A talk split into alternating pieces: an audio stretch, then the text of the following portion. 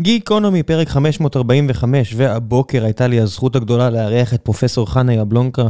חנה היא מחוקרות השואה, או ליתר דיוק, מה שקרה עם ניצולי השואה מהגדולות והידועות בעולם. היא חתומה על מחקרים, ספרים, הרבה מאוד עבודה מחקרית ועבודת הוראה ועבודה ערכית סביב הנושאים האלה. פרופסור חנה היא גם פסיכולוגית בהכשרתה והתבטאה לא מעט סביב כל מה שקשור להוראה. סביב נושא השואה ומה הלקחים שהיינו צריכים וצריכים לשנות סביב כל מה שקשור לשואה, סביב הנושאים האלה היא נכנסה ללא מעט עימותים עם חבר הכנסת אמסלם, עם חבר הכנסת גדעון סער ועם שלל אנשים אחרים. דיברנו בפרק הזה על היסטוריה, על השואה, על לימודי השואה, על הדעות הפוליטיות של חנה, היו מספר נקודות שנכנסנו לוויכוחים, כמו שקורה לפעמים בגיקונומי, מקווה שתראו שהכל היה ברוח יחסית טובה, וזה לא יפריע לכם יותר מדי, מן הסתם אם קצת קטעתי אותה יותר מדי, כמו שאני לעתים עושה, ואני מאוד מצטער על זה, אבל היא יודעת לנהל דיונים כאלה בצורה מעולה, ושמה אותי במקומי כשהיה צריך, מקווה ששוב, שזה לא הפרעתי יותר מדי לדיון, ולפני שנגיע, לפרק המעניין הזה, אני רוצה לספר לכם על נותני החסות שלנו. והפעם נותני החסות שלנו הם לא אחרים מאשר המוסד. אם מתאים לכם לנהל מבצע מורכב בו מעורבים לוחמים, קציני מודיעין וגורמים טכנולוגיים, אז יכול מאוד להיות שזה בדיוק מה שאתם מחפשים.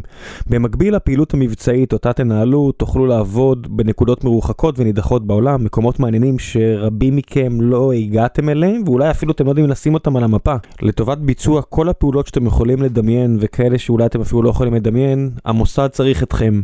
אנשים ערכיים שאוהבים את המדינה ויש להם המון המון יכולות בין אישיות מכל מיני סוגים ומינים ואני מניח שאתם יכולים לדמיין מי הם האנשים שיכולים להתאים. אם אתם רואים את עצמכם כמתאימים, כנסו לאתר המוסד בכתובת מוסד.gov.il, יש לכם שם כפתור שנקרא קריירה, ותחת הקטגוריה של מבצעי תמצאו משרה מאוד מאוד ספציפית שנקראת קצין או קצינה מבצעים או מבצעית באגף לשיתוף פעולה מבצעי ומודיעיני, ונראה לי שתמצאו את קריירת החלומות עבורכם, ושיהיה לכם ולנו בהצלחה. ועכשיו, גיקונומי.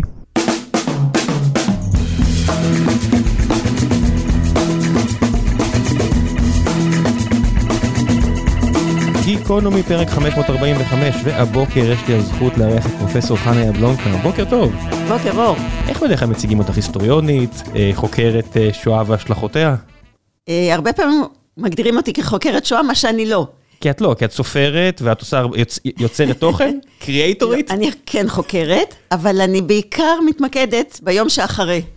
זאת אומרת, אותי מעניין באמת היום אחרי שהשואה נגמרה, whatever שהיום הזה הוא. ואני לא חוקרת שואה פרופר. זאת אומרת, אני לא בתקופה של מלחמת העולם השנייה, אלא אחריה. פחות הפורנוגרפיה של המוות, כמו שקראת לה. כן, כך קראתי לה פעם בריאיון עיתונאי. זה באמת, זה באמת מרגיש כך בהרבה מאוד מקרים. אני בדרך כלל מאוד, יש לי צורך מאוד עמוק לדייק את המילים שלי. ואם השתמשתי במילה הזאת בריאיון עיתונאי, מה שנקרא פרוץ לציבור, אני התכוונתי לזה. יש בפירוש היבטים פורנוגרפיים בחלק מהעיסוק בשואה בליבתה. זה מאוד מצער אותי, במיוחד כשזה קורה במערכת החינוך, אבל זה מן העובדות שבינתיים לא השתנו. יש גם ערך בזה, שאני מסתכל על זה, בדרך כלל כל מה שמקושר לפורנוגרפיה הוא לרוב רע, או כמעט תמיד רע. אני חושב שאולי במקרה הזה יש איזשהו ערך אה, של שוק value. זאת אומרת, רוב האנשים שהם קוראים סיפורים, אלא אם כן זה יומנים, כמו שתכף נדבר על אחד שדאגת שיתרגמו, המספרים כל כך גדולים, יש כמעט דיטצ'מנט מהטרגיות של הפרטים, ואז איכשהו הפורנוגרפיה לדור, לדורות צעירים איכשהו כן מצליחה אולי להביא להם את הכאפה הזו של מציאות, או שאת לא חושבת שיש בזה מן ה... אני לא מאמינה, קודם כל, ההוויה היסודית שלי היא הוויה של חינוך. זאת אומרת, מה שחשוב לי זה הדבר הזה. ואני לא מאמינה ב, ב, בריגושים זולים. וברור הוא שהסף של הרגישות היום של צעירים הוא כנראה הרבה יותר גבוה. צריך לעשות יותר כדי לרגש אותם, או כדי לטלטל אותם, או כדי לעורר את תשומת ליבם.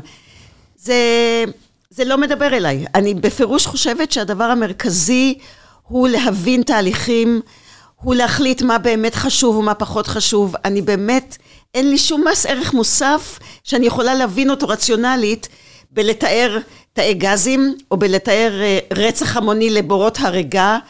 אה, שזה תהליך שנעשה הרבה מאוד בתוך מערכת החינוך, ותמיד אומרים לי, זה, זה הכיף של לימוד השואה, במושגים כאלה. לא באמת אמרו לך את המשפט הזה, כן, נכון? כן, כן, כן. הייתה מורה שאמרה לך, או מורה שאמרה לך את המשפט הזה? ש... לא, שמעתי צעירים שאומרים, זה 아. אה. הכיף של לימוד השואה.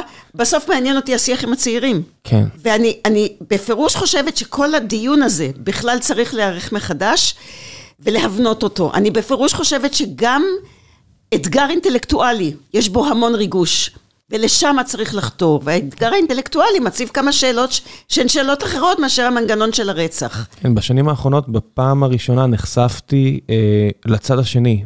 מצד אחד, אה, הקרב על ברלין של אנטוני אה, ביבר, ומהצד השני, אה, ודן קרלין שהוציא אה, ספר אודיובוק או פודקאסט, איך לקרוא לזה, כי זה 10 שעות או 15 שעות, איזה ספר, על, אה, בעצם על החזית המזרחית ועל המחיר של...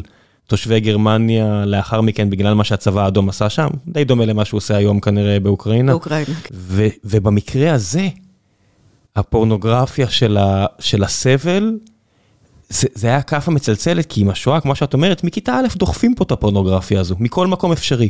ועל הצד הגרמני מעולם לא נחשפתי, מעולם לא שמעתי על הממדים ועל על ה, באמת על העומק של המחיר ששולם שם על האוכלוסייה האזרחית.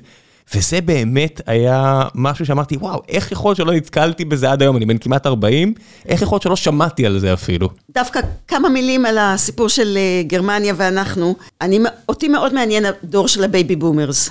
אני מתעסקת איתו המון.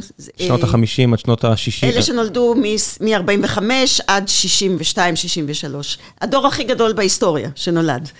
אה, בגלל זה זה ה baby boomers. וה...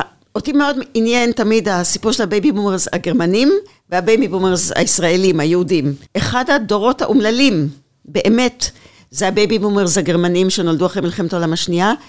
הם כולם, יש לי איתם מפגשים על בסיס קבוע. הם כולם חיים עם איזה שהם סודות במשפחה. תמיד מדברים כאילו על השתיקה של הניצולים, שהיא לא הייתה קיימת אף פעם. אבל ש... הרבה יותר קל במקרה הזה להיות קורבן מאשר הבן של המחולל של השואה. במשפחות הגרמניות, בדור שלי, של הילדים שנולדו אחרי המלחמה, בכולם, תגרד קצת. תמצא את הסודות, תמצא את השאלות, תמצא את המבוכות, תמצא את הפחד מלגלות. זה אחד הדברים הכי מעניינים שבינתיים לא ממש זכה לדיון מחקרי, ובוודאי לא לדיון של מחקר משווה. מה ההבדל בין הבנים של הקורבנות לבין הבנים של המחוללים. זה הפרויקט הגדול המחקרי שאני חולמת עליו. כן, יש את העניין הזה, את יודעת, השואה נגמרה, נגמר הסיפור, שילומים, הכל בסדר, אבל בפועל, את יודעת, אה, מי שמוביל את נאסא זה מדען נאצי שתלה יהודים על הגדרות, ומי שנהיה אה, ראש עיריית מזרח גרמניה, הנה, זה האדם שנכנע לרוסים בסטלינגרד, וכל הגרמנים לא... לא, הם שונאים אותו יותר מאשר ששונאים את הרוסים בתור, מה, בוגד ברייך? זאת אומרת, הדיסוננס הקוגניטיבי הזה שאת קוראת על גרמנים בשנות ה-60-70, החבר'ה שאמרו, אוקיי, לפני שנייה היינו חלק מזה, פתאום אנחנו משהו אחר, וזה... זה, זה, זה, זה באמת אה, קשה לי להבין איך הם, איך הם חיו, זאת אומרת, הדיסוננס הקוגניטיבי הוא, הוא עצום, בניגוד לדור של, שאני מדבר, יש לנו פה הרבה עובדים גרמנים, אני מדבר איתם, זה כבר כמעט לא, לא נוכח ב mindset שלהם. כן, בחלוף 80 שנה, אה, בדורות השלישי והרביעי. כן, הבני 30 היום, שיוצא לי לדבר עם הרבה גרמנים, זה, זה כמעט ולא נוכח נכון. בתודעה שלהם. לא, לא נוכח, בפירוש. הם אני... יכולים לצחוק על זה, הם יכולים לדבר על זה, זה לא... אין טראומה, אין... זה לא קיים. אני לא יודעת. מאלה ש... את יודעת, אנקדוטה זה לא צורת היחיד של מידע, מאלה ש... את יודעת, מהעשרות שיצא לי לפגוש פה. זה, זה, זה הכל, מכמה שיצא לי לשאול על זה. זה לא נראה כאילו זה יותר מדי, כי גם אותם מלמדים, גם, גם אותם, גם להם דוחפים את זה בגרון, את העניין הזה. זה נכון. אבל תראה, קודם כל יש שם אה, בגרמניה אה, כ-30 אחוז מהאוכלוסייה שהם אה, מטורקיה ומכל המקומות האלה, שבכלל מראש אומרים, זה לא עניין שלנו ובכלל לא... לא, זה, לא, לא לשם ח... ולא לשם, כן. לא לשם ולא לשם. לא קורבנות ולא... ולא כן, מחוללים. ולא מחוללים. אבל... בדורות, כן, בדורות הצעירים שקיימים היום בוודאי אין תחושת אשמה ואין תחושת, אה, גם חלקם אפילו לא, לא מכירים את הסבים שלהם מהתקופה ההיא. ועדיין בתוך גרמניה, הסיפור הזה הוא עוד לא מעובד עד הסוף, למרות שצריך לומר שבניגוד למשל לאוסטריה, הגרמנים במידה רבה כן מתמודדים עם העבר.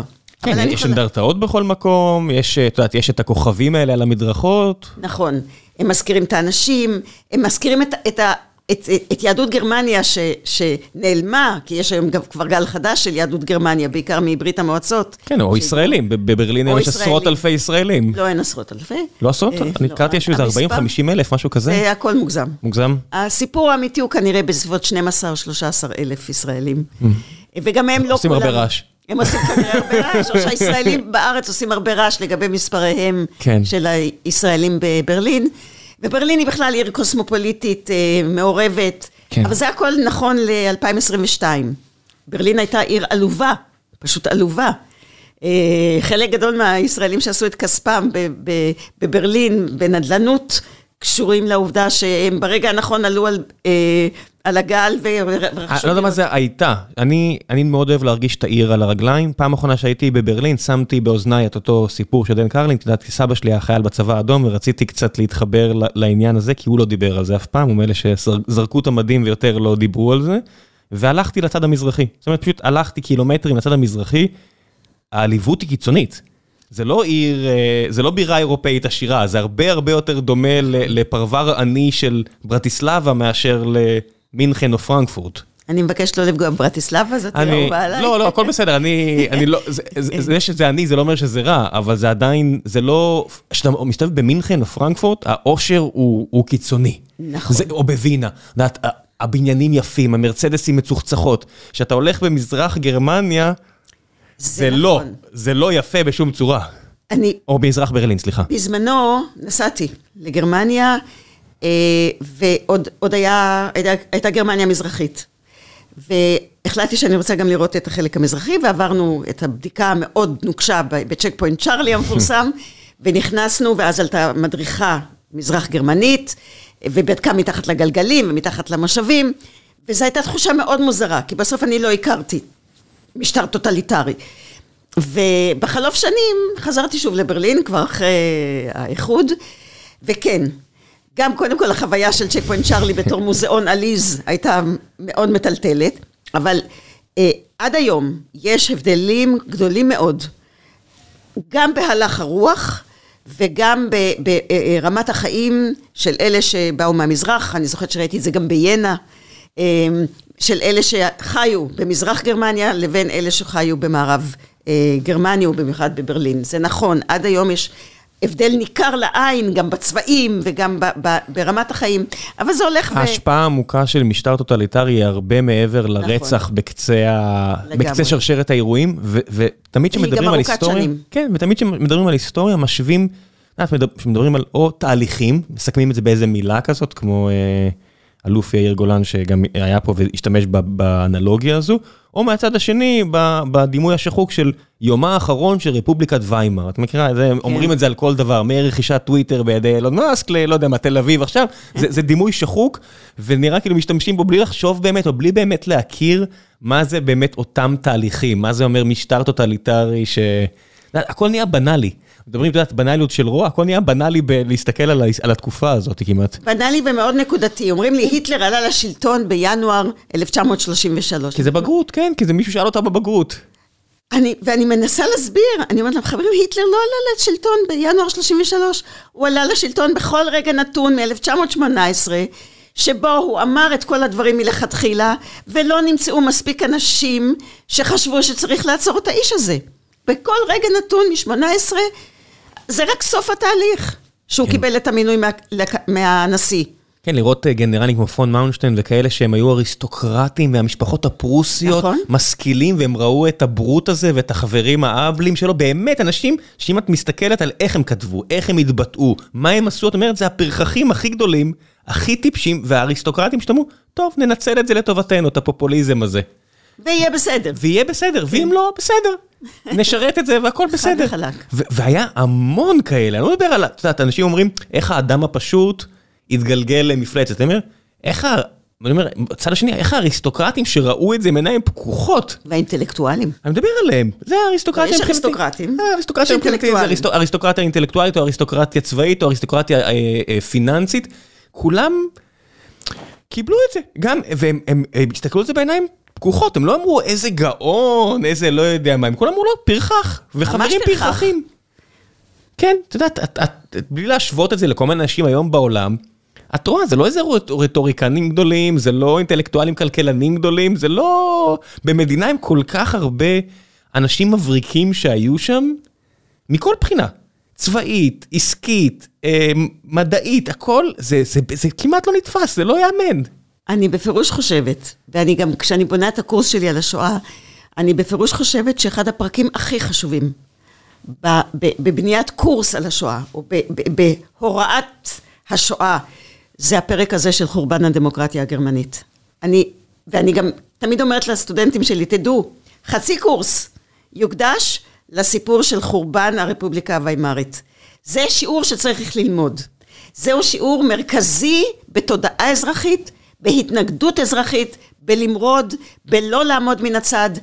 אני לא רואה פרק יותר חשוב מזה.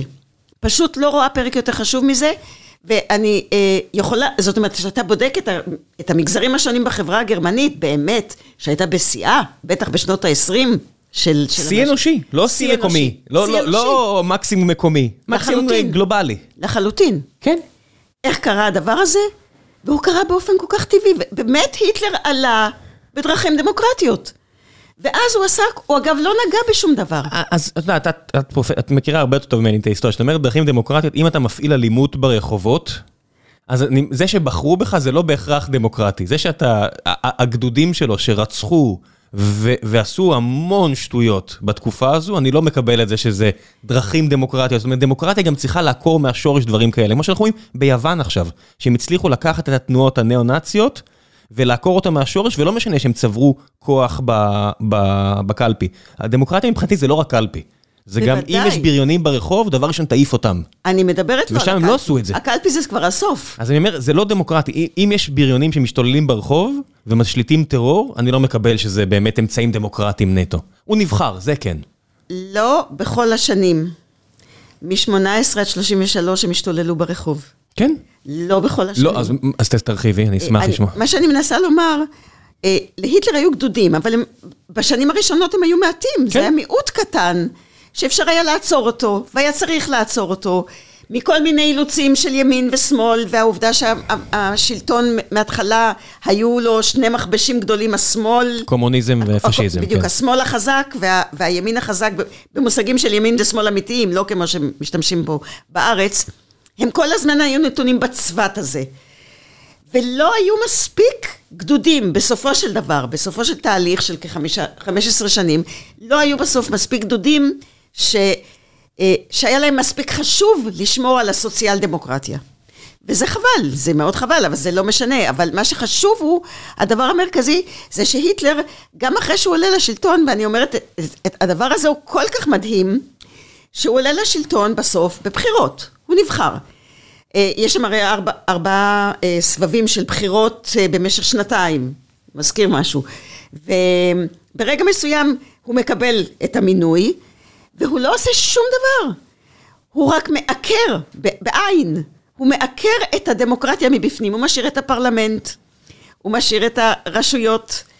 הוא פשוט בתהליך מאוד מדוקדק, הוא מעקר את הדמוקרטיה מבפנים. וזה מה שקורה בעיקר, החיסול של הדמוקרטיה נעשה אחרי שהוא עולה לשלטון, כי חושבים שהוא, אה, איך אומרים, אה, מה שרואים מפה לא רואים משם, וכשהיטלר יעלה הוא יתמתן וכולי, ולא לוקחים או ברצינות. שהמוסדות ימתנו אותו, שבית המשפט העליון והרייכסטאג ידעו לאזן אותו. ודאי. קרא- קראתי כל מיני ציטוטים כאלו, שתנו לפרחח ונאזן אותו. כי אנשים צריכים לזכור שבתקופה הזו. היה חילופי שלטון כל כמה חודשים. וזה תקופת שיא אחרי תקופת שפל איומה ונוראית. זאת אומרת, היה שם נכון. פתאום התפוצצות כלכלית מדעית והכל אחרי התרסקות כלכלית מוחלטת בסוף מלחמת העולם הראשונה. זאת אומרת, היה שם כל כך הרבה דברים שקרו. שאנשים אומרים למה הם לא שמו לב רק לזה, כי היה קרה הכל. טרוצקי מסתובב בווינה, אני יודע מה, הכל, קרה הכל. זה יכל ללכת להרבה אתה מכיוונים גם אחרים. צריך לזכור שבסוף התבוסה הגרמנית במלחמת העולם הראשונה היא תבוסה במילה. לא היה חייל אחד זר על אדמת גרמניה ביום סיום המלחמה. זאת אומרת, בעצם הגרמנים... להפך, הם היו צריכים להתגלגל ממקומות שהם היו במדינות זרות. הגרמנים לא ראו תבוסה בעיניים. הם לא ראו חייל זר אחד על אדמתם. הם באמת לא ממש תפסו איך ייתכן אה, לבקש שביתת נשק ו- והסכם שלום אם לא נכבשנו. זה, הדיסוננס הזה הוא נוראי. אבל אפשר להשוות את זה, לא יודע, ליום כיפור, יום כיפור אה, הצבאות שלנו היו יותר קרובים לבירה שלהם מאשר כל דבר אחר, וזה היה נתפס בעינינו בתור אה, מלחמה רעה. תראה, יום כיפור, אתה רוצה שנדבר על יום כיפור? לא, אני אומר, אני מנסה להשוות את הסייקי בסוף בין שתי עמים שהם בהפרש של כמה עשרות שנים, מנסה לעשות את האנלוגיה בראש, שלא, העניין של תבוסה, הרי נמחק שם דור שלם של אנשים, כמו בכל המדינות, כמו באיטליה, כמו בצרפת, כמו באנגליה, נכון. זה לא שזה היה מלחמה טובה עבורם. מלחמת העולם הראשונה הייתה מלחמה רעה עבור כולם. כן. באמת שם נמחק דור שלם של צעירים, באופן, שם נולד הביטוי הזה של בשר תותחים. כן. אבל מלחמת יום כיפור שלנו, אמ, ישראל הייתה שני מיליון תשע מאות אלף איש. ארבעת אלפים הרוגים. אה, לא, ארבעת אלפים? אה, נכון. אלפיים שבע מאות, זה מספר ענק. זה כן. מאז מלחמת העצמאות, לא דיברו במספרים של אלפים של קורבנות. קצת בהתשה.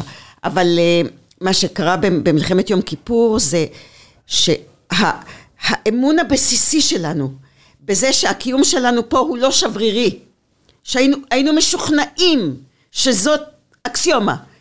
הנחת העולם הזאת קרסה ביום כיפור, זה מה שקרה.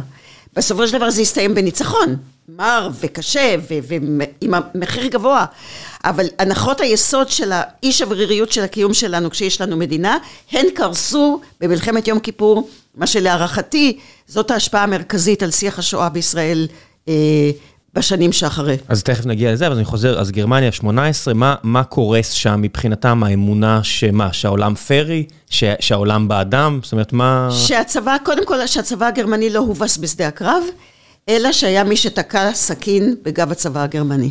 זה מה שמלמדים בבגרות, הסכין בגב האומה. זה, זה לא בבגרות. לא, אני אומר, זה, זה בדרך כלל, אני אומר, אני תמיד עושה, אני מנסה להיזכר מבין כל הדברים שלמדתי ב, לא יודע מה, 30 שנה מאז התיכון, לעומת התיכון, אני אומר, זה כן הופיע תמיד, ה, ה, ה, הדגש הזה על הסכין בגב האומה. נכון. ההרגשה הזו של בסוף ה... לחלוטין. היות ולא ראינו תבוסה בעיניים, אז למה ביקשתם הפסקת אש? וזה לודנדורף והינדנבורג ביקשו. למה ביקשתם הפסקת אש? אם לא, אם, אם, אם, אם לא הובסנו, אין פה אף חייל זר.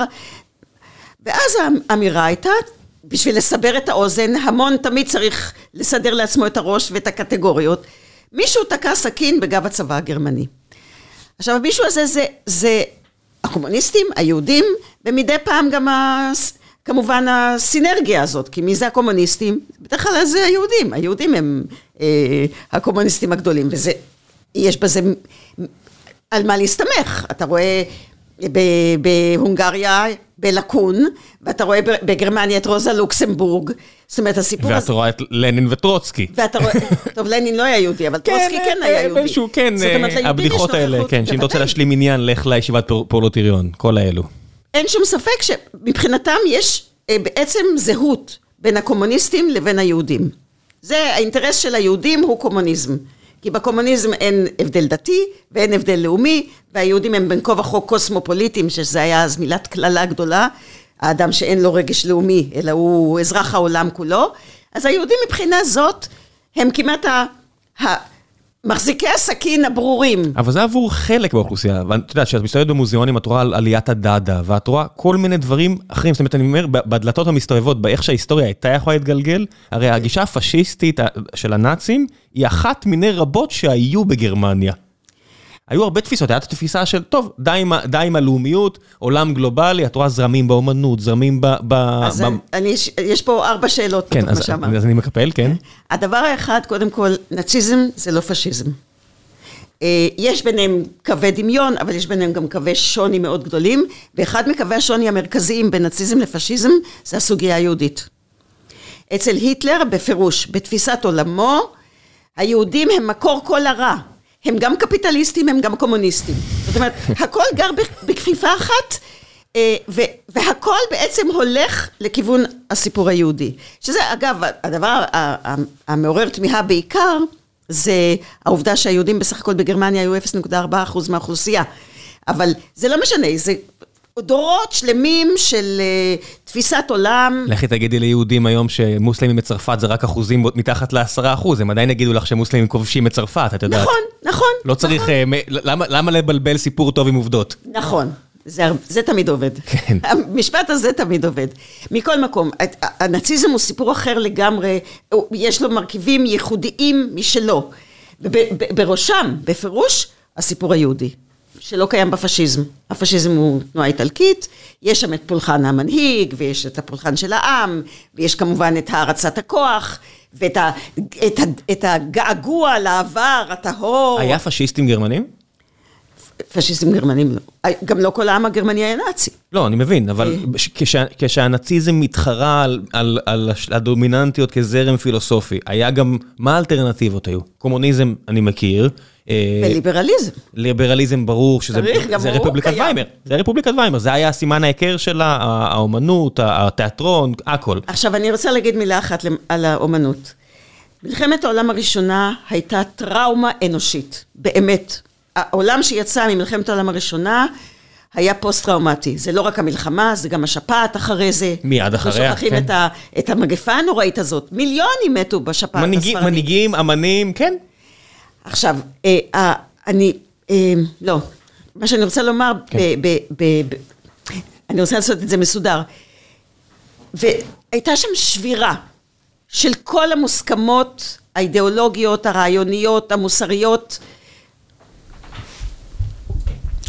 הייתה שם שבירה של כל הקונבנציות והאמונות הרעיוניות, הערכיות. וגם בתוך התרבות יש שבירה, למשל יש שבירה של המוזיקה הטונאלית בידי יהודי, שרנברג, ארנון שרנברג, בגרמניה. יש שבירה של הציור, התפיסה של הקוביזם למשל.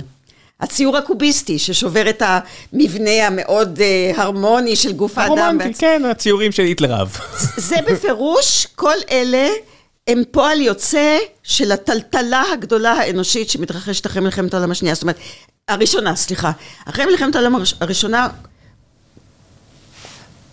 יש התרסקות של כל מה שהיה שריר, קיים ויציב, גם באומנות, גם בציור, גם בפיסול, גם במוזיקה, ואלה ביטויים של הטראומה של אחרי מלחמת העולם הראשונה. עכשיו, באמת הטראומה הייתה כל כך גדולה, אה, ש... אה, שהייתה אמונה מוחלטת, שזה, הדבר הזה לא יקרה שנית. תקרא את הספרים שנכתבו, ג'וני שב משדה הקרב, ומצעד האיוולת, וכל הספרים על מלחמת העולם הראשונה, וגם עוד יותר מזה, העזוז והשמחה שכל המדינות יצאו למלחמה הזאת, והשבר הנורא בסופה, בכל הארצות, זה לא רק גרמניה, באנגליה, אני זוכרת איך הם יצאו בשמחה כזאת למלחמה הזאת? היום, היום שבו זה יתחיל, דר טאג. שכל האצולה הגרמנית חיכתה, אנשים היו יוצאים בחופשות שלהם לראות את שדה הקרב העתידי בבלגיה, נכון, כדי, נכון. כדי להרגיש את הקרקע שעליה הם יילחמו בתקווה. תוך כמה שנים. פלנדר זה סיפור נורא. כן. סום, פלנדר זה אנשים, דורות שלמים שנמחקו שם לכל העמים האלה. אחד הדברים שהדהימו אותי, זה כשקראתי, נורא מעניין אותי הסיפור הזה של מלחמת העולם הראשונה ותוצאותיה. כן. זה מה, כמה מלחמת העולם הראשונה דומיננטית בתרבות האנגלית, למשל. שכבה שלמה של אריסטוקרטיה נרצח, אה, נפלה בשדות הקרב. דור שלם של עיתון ש, שסיים את בית הספר, לגמרי. יוצא לשדה הקרב בשמחה ובשיר, ולא חוזר. שם. ולא חוזר, ונשאר כן, נשאר בבלגיה. אליטה שלמה, כן. מחכה. עכשיו, חלק, רוב הקורבנות האנגלים לא קבורים באנגליה. קבורים בסום. אז כמו שבישראל יש המסעות האלה לפולין, באנגליה יש מסעות לקברות אה, מלחמת העולם הראשונה. עכשיו, אני גם ראיתי את זה בבאר שבע, שלי, שלנו. אה, יש בית קברות. אוסטרלי. אוסטרלי. ויש כמה ימים ב, אה, בכל מיני עשורים שמגיעים האוסטרלים. ליוויתי אותם באחד הטקסים כן. האלו, את רואה אה, חבר'ה על סוסים עם לחיים אדומות אדומות אדומות, נכדים של קרב הפרשים האחרון עדיין, בהיסטוריה. כן, וזה עדיין אירוע... מלמדים אותו בבגרות שלהם. נכון. את הקרב על באר שבע. זה, הסיפור הזה של מלחמת העולם הראשונה, הוא נעוץ כמו קוץ. עכשיו, אני לפני איזה כמה שנים ראיתי איזה מחזמר בלונדון, שנקרא War Horse, סוסי מלחמה. הסיפור של הסוסים.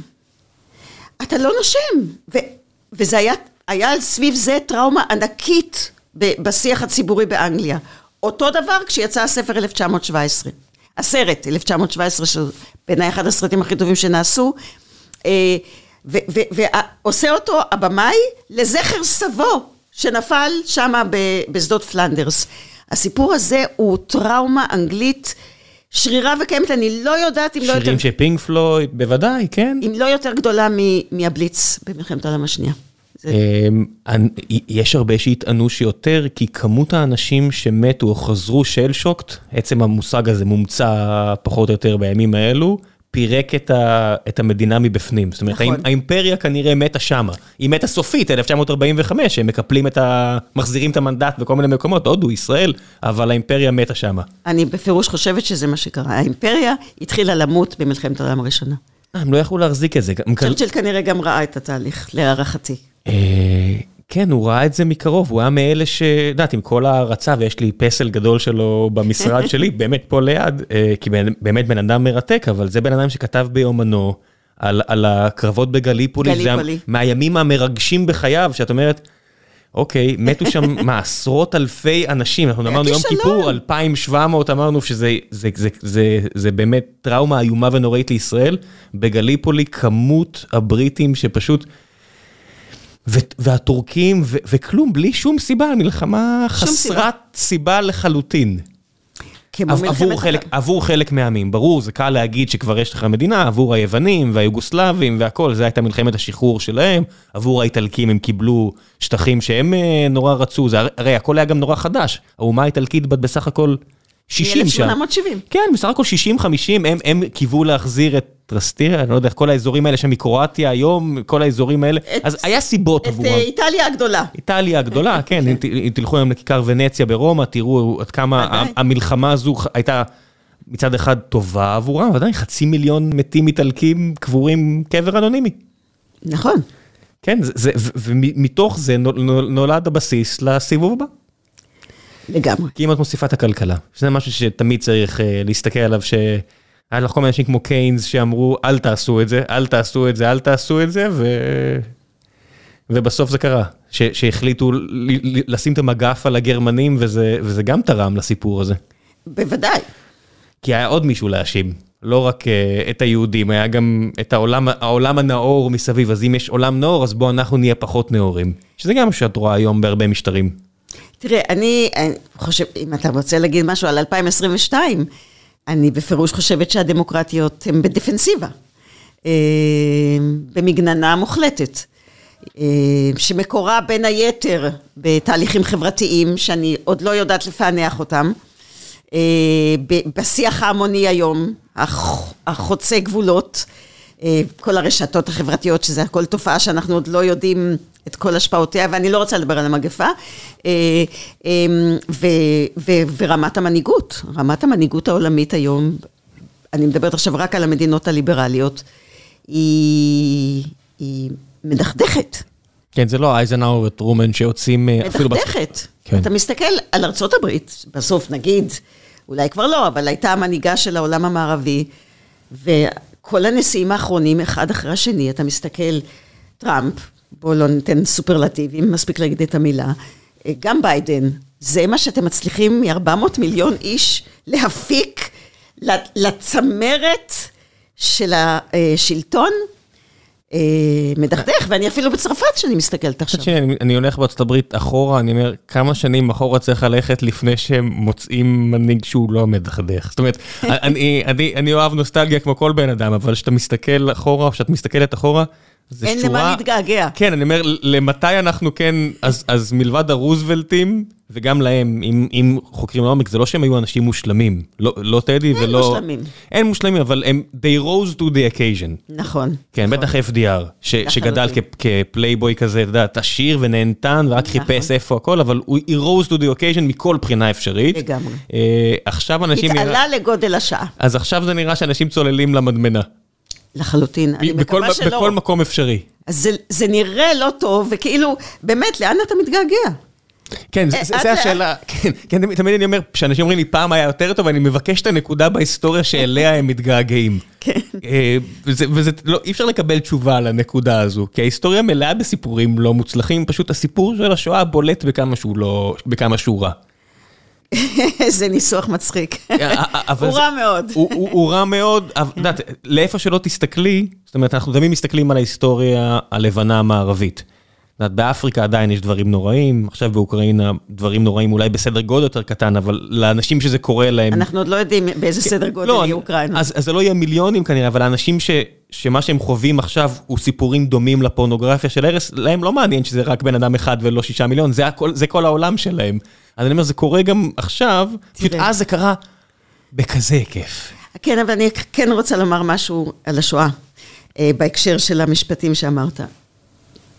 בפירוש, אה, השואה היא אירוע חסר תקדים. גם בכל הרע של ההיסטוריה, דיברנו על מלחמת העולם הראשונה, המזעזעת, אה, השנייה, מזעזעת לא פחות, וכל יתר המלחמות שקדמו להם, שגם הם, כל מלחמה היא כנראה אירוע מטלטל. אה, בשואה יש אלמנטים באמת חסרי תקדים. התעשייה של המוות. טוב, התעשייה היא נגיד פועל יוצא של ההתפתחות של הטכנולוגיה. אבל למה? מאז הטכנולוגיה לא הלכה אחורה. ואירוע כזה שתעשייה של המוות לא, לא חזר עדיין. אני אגיד לך מה הכי חסר תקדים בסיפור של השואה. זה שאין ברצח של היהודים שום מימד פרגמטי. והסיפור הזה, זה כל כך מטריד אותי הדבר הזה, כי בסוף הרצח של הארמנים, שהוא רצח נורא, בטורקיה. הוא על אה, אמונה דתית, על טריטוריה. על טיהור אתני, הם רצו מדינה בלי, עם, עם, שמדינה לעם הזה לעומת העם האחר, היה, אפשר לראות, בחשיבה רציונלית נקייה, רעה, רעה, רעה, רעה של רובוט, אני יכול להבין, אני יכול לנסות להבין, וגם שם אני שולח אתכם אה, לילה ארוך מאוד, אני אשאיר לינק לספר, אתם רוצים פורנוגרפיה של מוות, באמת סיפור מזעזע, אבל אני עוד איכשהו יכול להבין איזשהו רציונל, 1944, שיש לחיילים, שבמקום לשלוח אותם לחזית של קרב שאתם מפסידים את הקרב, שהם שומרים על יהודים או טובחים ביהודים, אפס הבנה. להשקיע כסף בזה, לא שהם השקיעו המון כסף בזה, אבל אפס רציונל. לא, זהו, אין מימד פרגמטי לרצח היהודים. עכשיו, בוא נאמר, ניקח רק את יהודי גרמניה. יהודי גרמניה היו פטריוטים גרמנים. פריץ אבר, בטח, מי אה, עזר להם? לחלוטין, אהבת איך, כש, כבר בשנות ה-30, כשהם דנים מה אנחנו צריכים לעשות מול הגזרות, מול uh, יום החרם, ואני עכשיו עוד לא מדברת על רצח, מול חוקי נירנברג. אנחנו לא נעזוב, כי אנחנו לא יכולים לבגוד באהובת נפשנו גרמניה, בשעתה הקשה. זאת אומרת, אה, הסיפור של ירידה לגרמניה בשנות החמישים מהארץ, היהודים אהבו את גרמניה ואת תרבותה ותרמו לה. כן, כגרמנים, לא כיהודים. בניגוד ליהודי מזרח אירופה, שעזבו במיליונים לארצות הברית, 60 אלף לישראל, אבל עזבו לאוסטרליה, לאנגליה, לארצות הברית, הם ברחו משם. הגרמנים לא הלכו, הם אהבו את זה. מה האינטרס? והדבר השני, נאמר, אני חוזרת שוב לרצח הארמנים דווקא. כן. איש לא נגע בארמנים באיסטנבול. התפיסה הזאת שכל תינוק שנולד כיהודי, נגזר דינו למות. ו... יכניסו צבא לכפר מפני שמישהו סיפר להם שיש איזו משפחה שמסתירה ילד יהודי. זאת אומרת, הטוטליות של הדבר הזה, החתירה לטוטליות של הדבר הזה, בהיעדר כל מניע פרגמטי לעשייתו, אה, זה הופך את האירוע הזה בינתיים לאירוע חסר תקדים שלא חזר על עצמו. לא בצורה זאת, ולכן אני, בכל זאת הסיפור של השואה, אנחנו חייבים איכשהו לנסות להבין אותו. אה, קשה, קשה מפני שהוא לא דומה לשום דבר. בינינו לבין ערביי אה, האזור, יש פה סכסוך טריטוריאלי, סכסוך לאומי, זה דבר שמובן, זה היה קיים בהיסטוריה. מה שקרה עם היהודים בשואה, הוא סיפור שאנחנו באמת לא... האנטי-רציונליות שלו. בדיוק, אני קוראת לזה היעדר המימד הפרגמטי, כי אתה לא יכול להסביר את זה. אני, אני מודה שככל שאני רואה יותר מה שקורה עכשיו באוקראינה ובקרוב מולדובה, זה מזכיר לי יותר ויותר. זאת אומרת, אני אומר, הטיעונים הכל כך מופרכים, כמות השקרים של המשטר הרוסי, מה שהם מוכנים לעשות כדי להגשים את המטרות שלהם, יש פה אפס רציונל, רציונליות. לרסק את המדינה של עצמם בשביל רצח של מדינה אחרת, זה, זה כמעט מזכיר לי את, את, את העניין הזה של היעדר הרציונל, זה שאומרים, אנחנו רוצים להרחיק את נאט"ו, אבל בבירור לא. זאת אומרת, אני מסתכל אני אומר, הנה, שוודיה ופינלנד חתמו עכשיו, בגללכם. הם לא היו חותמות אחרת. תראה, אני, הסיפור של אוקראינה הוא כנראה סיפור יותר מובן. אני לא מצליח, זאת אומרת, אף אחד לא מצליח להסביר, אני מנסה... אני מניחה שפוטין, בחלום שלו, בסוף הוא איש קג"ב בעברו, פוטין בתפיסתו רוצה להחזיר את ברית המועצות. זה, זה מה שאני יכולה להבין מהדבר הזה. בגלל זה אני אומרת ש... שההונגרים צריכים להיזהר, והפולנים צריכים להיזהר, כן, והמולדובים, והסלובקיה שלי צריכה להיזהר, כן. כי זה די ברור ש, ש, ששם הראש שלו. ואוקראינה, כמובן, זה, זה הצד הראשון. אני לא יודעת אם זה נכון, אני לא עתידנית. כן, אבל, אבל, זה, אבל זה כאילו, מה, מה היה הרציונל, שאנחנו חוזרים אחורה ואת חקרת את הנושא הזה כל כך הרבה, האנשים שגם דיברתי איתם לאחר מכן, אותם baby boomers גרמנים, שאבא או אימא היו מאלה שהיו בתקופה הזאת. ולא דיברו על זה. אבל לא היה להם בכלל רציונל. אוקיי, אז שונאים יהודים, אבל... בהקשר של היהודים... כלום? לא היה שום רציונל. כלום? עושים את זה כי, כי אמרו לנו? לא. בין היתר היה שם, חלקם, לא, תראה, לא כל האבות והאימהות היו באס-אס, אבל הם שירתו בצבא הגרמני. כי כל מי שהיה בר גיוס... הם גם לא מרדו, הרוב המוחלט גם לא מרדו. האדם מטבעו הוא קונפורמיסט. הוא לא מורד. המורדים כן. הם תמיד אלה שאנחנו זוכרים אותם אחר כך בהיסטוריה. כן. יש 60 מיליון גרמנים, פורצת מלחמת העולם, הם מתגייסים, הם הולכים למלחמה, הם משוכנעים... אבל לפני, לפני, שנים אחורה. כל השנים האלה שנים... שיש שנאה נגד יהודים, איך הם מסבירים אני, את זה? אני חושב, זה תמיד התעלומה הכי מעניינת. בכל אירוע בסדר גודל כזה, זה האדם הפשוט, הסביר. כן, כמו שאהרון ברק קרא לו, האדם הסביר. האדם הסביר. והאדם הסביר רוצה לחיות את חייו, לדאוג למשפחתו, ותעזבו אותי. תעזבו אותי. יש, יש בסרט, הסרט המפורסם של אה, אה, משפטי נירנברג, שנעשה ב-60 עם ספנסר טרייסי, והם מראיינים שם מישהו, והוא יושב שם, הוא יושב במשפט, הוא אחד השופטים, והוא שוכר דירה מזוג גרמני. הוא מתחיל לדבר איתם, והוא אומר, אנחנו לא, אנחנו לא אוהבים פוליטיקה, בואו לא נדבר פוליטיקה. המשפט הזה כל כך נכנס לי בראש, האדם הסביר לא רוצה לדבר פוליטיקה, הוא רוצה לדאוג למשפחתו, הוא מבין שאולי הזמנים קשים, ואולי זה לא בסדר שאת השכן היהודי שלו לקחו אתמול מהבית וזרקו אותו לשטטין ב-38, אבל הוא רוצה לחיות את חייו, הוא לפעמים גם אפילו יסתכל מהחלון איך לוקחים את, את, את הזה, אבל זה רוב הציבור. אני בודקת את עצמי גם איפה שאני חיה.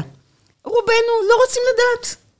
לא רוצים לדעת, לא מתעניינים לדעת. בסוף, יש היום שטחים, נכון? אנחנו יודעים, חוץ מאלה שגרים שם, וגם הם גרים בסופו של דבר במקומות מבודדים, ואנחנו יודעים שיש כבישים ליהודים ויש כבישים לערבים, ואנחנו לא כל כך רוצים לדעת. ואנחנו לא ברחוב, וזה לא מעניין אותנו, מעניין המשפחה הקטנה שלנו ועולמנו הקטן, ושתהיה איזושהי יציבות ותהיה פרנסה. כן, אני רוצה להאמין שבהינתן אירוע אה, חמור יותר, אה, יש מספיק מאיתנו שכן רוצים לדעת וכן מדברים בזה וכן עוסקים בזה. מדברים כן, אבל בוא נגיד, בוא ניקח דוגמה אחת, שמי, סרט אני, שומרי הסף. אני, אני, אני, רוצה, אני רוצה לקחת צעד אחורה. תמיד, אה, היה לי שיחות עם, אה, לא יודע אם היא זוכרת את זה, אבל עם מישהי היום אה, בממשלה, איילת שקד, שעבדה איתי, ותמיד היה לנו ריבים כאלה פוליטיים, כי עבדנו ביחד. היה לי ריבים פוליטיים שם הרבה אנשים, אנשים שבטח שמכירים אותי זוכרים את זה, ותמיד אני שואל אותם, מה האנד גיים? מה קורה בסוף עם אותם שני מיליון אנשים בלי אזרחות, או מיליון ומשהו אנשים בלי אזרחות, שאין להם אזרחות של אף מדינה. נכון. אז תמיד היה לה איזה כזה משפט, אני מקווה שלא אכפת לה שאני אומר את זה, לא מצטט מילה מילה, אבל הג'יסט היה, אם אני זוכר נכון, לפני 12 שנה, יהיה מתישהו מלחמה, וידה ידה ידה הם יהיו במקום אחר. לא ימותו, אלא זה ייקרא מדינה אחרת. לא יודע אם חילופי שטחים, לא יודע אם יעברו לירדן, לא יודע מה. אני אומר, אני רוצה להאמין שבמקרה היום, שיעשו טרנספר או דברים כאלה לאוכלוסייה בלי בחירה, זה לא, זה פשוט לא, זה לא יכול לעבור, כי יש מספיק שיגידו לא. אני לא, אני לא, אין כי, לי יכולת... כי זה אירוע קיצוני, כי זה, יש רמה מסוימת של קיצוניות, זה לא הצפרדע במים, כי אני אומר להפך, הפעולות היום שצה"ל יעשה, שיעוררו אה, התנגדות ציבורית, לעומת שנות ה-60, 70, עד 67 היה פה משטר צבאי, פה, לידינו, על, על ערביי ישראל. אה, היו עושים פעולות נקם, קיביה וכל מיני כאלה, מתן וילנאי ישב פה לא מזמן. אתה יודע, תוציאו להורג אנשים אה, סתם כי הם ערבים, כדי, כדי לנקום. היום אני לא רואה את זה קורה... כי הרף המוסרי אני מרגיש שהולך ועולה, אולי הוא לא, לא עולה מספיק מהר, אבל הוא כן הולך ועולה. אני חושבת שאתה טועה, אני גם לא... אה, אני לא שוב, יודעת- אני רק משווה לדברים שאני אני לא רואה... יודעת מה הרף המוסרי. אני לא יודעת מה הרף המוסרי, יש לי גם על זה השגות, אבל אני כן רואה את הדור הצעיר, את מידת ה... אה, את מידת... אני, יש לי טירוף לנושא של אזרחות פעילה. אה, את מידת האי-יציאה שלו לרחוב. אה, אין כמעט נושא שמצליח להוציא את הצעירים לרחוב. אה, בסוף יש פה תופעות מאוד קשות. וההפגנה האחרונה שאני זוכרת שהייתה הפגנה... אנטי כיבוש? הפגנה על נושא אנושי, מוסרי, שאנשים הרגישו שהם הולכים לצאת, הייתה בגדול הפגנת ה-400 אלף המיתולוגית, אחרי סברה ושתילה. כן, אבל... אה, אוקיי. אה, פרט לזה, אני לא זוכרת, תגיד לי, הפגנת המחאה על הדיור לא, לא, זה- דפני זה- זה איכות חיים, זה לא קשור. וגם אני לא יודעת, זה היה מתמסמס כל כך לא, מהר. זה גם זה לא משנה התוצאות, זה לא- זה לא זה. שום הפגנה בנושא מוסרי, לא, אני לא 95 זוכרת. אפילו, שרבין נרצח, אז רבין נרצח כי יש, ויש לידו עשרות אלפי אנשים שהגיעו כדי לתמוך בתהליך שלום, לא? כן, אה, הפגנה פוליטית... אה, הייתה הפגנה אחת, שאז ארגן צ'יץ' אה, ב-1995, נובמבר הארור, אה, אנשים יצאו לרחוב כי הרגישו, זה כבר היה ההצטברות שהייתה עד ליום של ההפגנה הזאת, אני יכולה להגיד לך את זה. הניס, הניסיון להגיע ולהרביץ לרבין בחניכת אה, גלילות, שזה היה הרב של אה, האוניברסיטה העברית. ההפגנות ליד ביתו, שהוא אסר על פרסומם, אבל בכל זאת חלחלו לציבור, ואתה לא, הייתי שם יום שישי אחד, ראיתי מה, מה קרה שם, אה, כל יום שישי, מה, מה שעשו ל, לרבין ליד ביתו.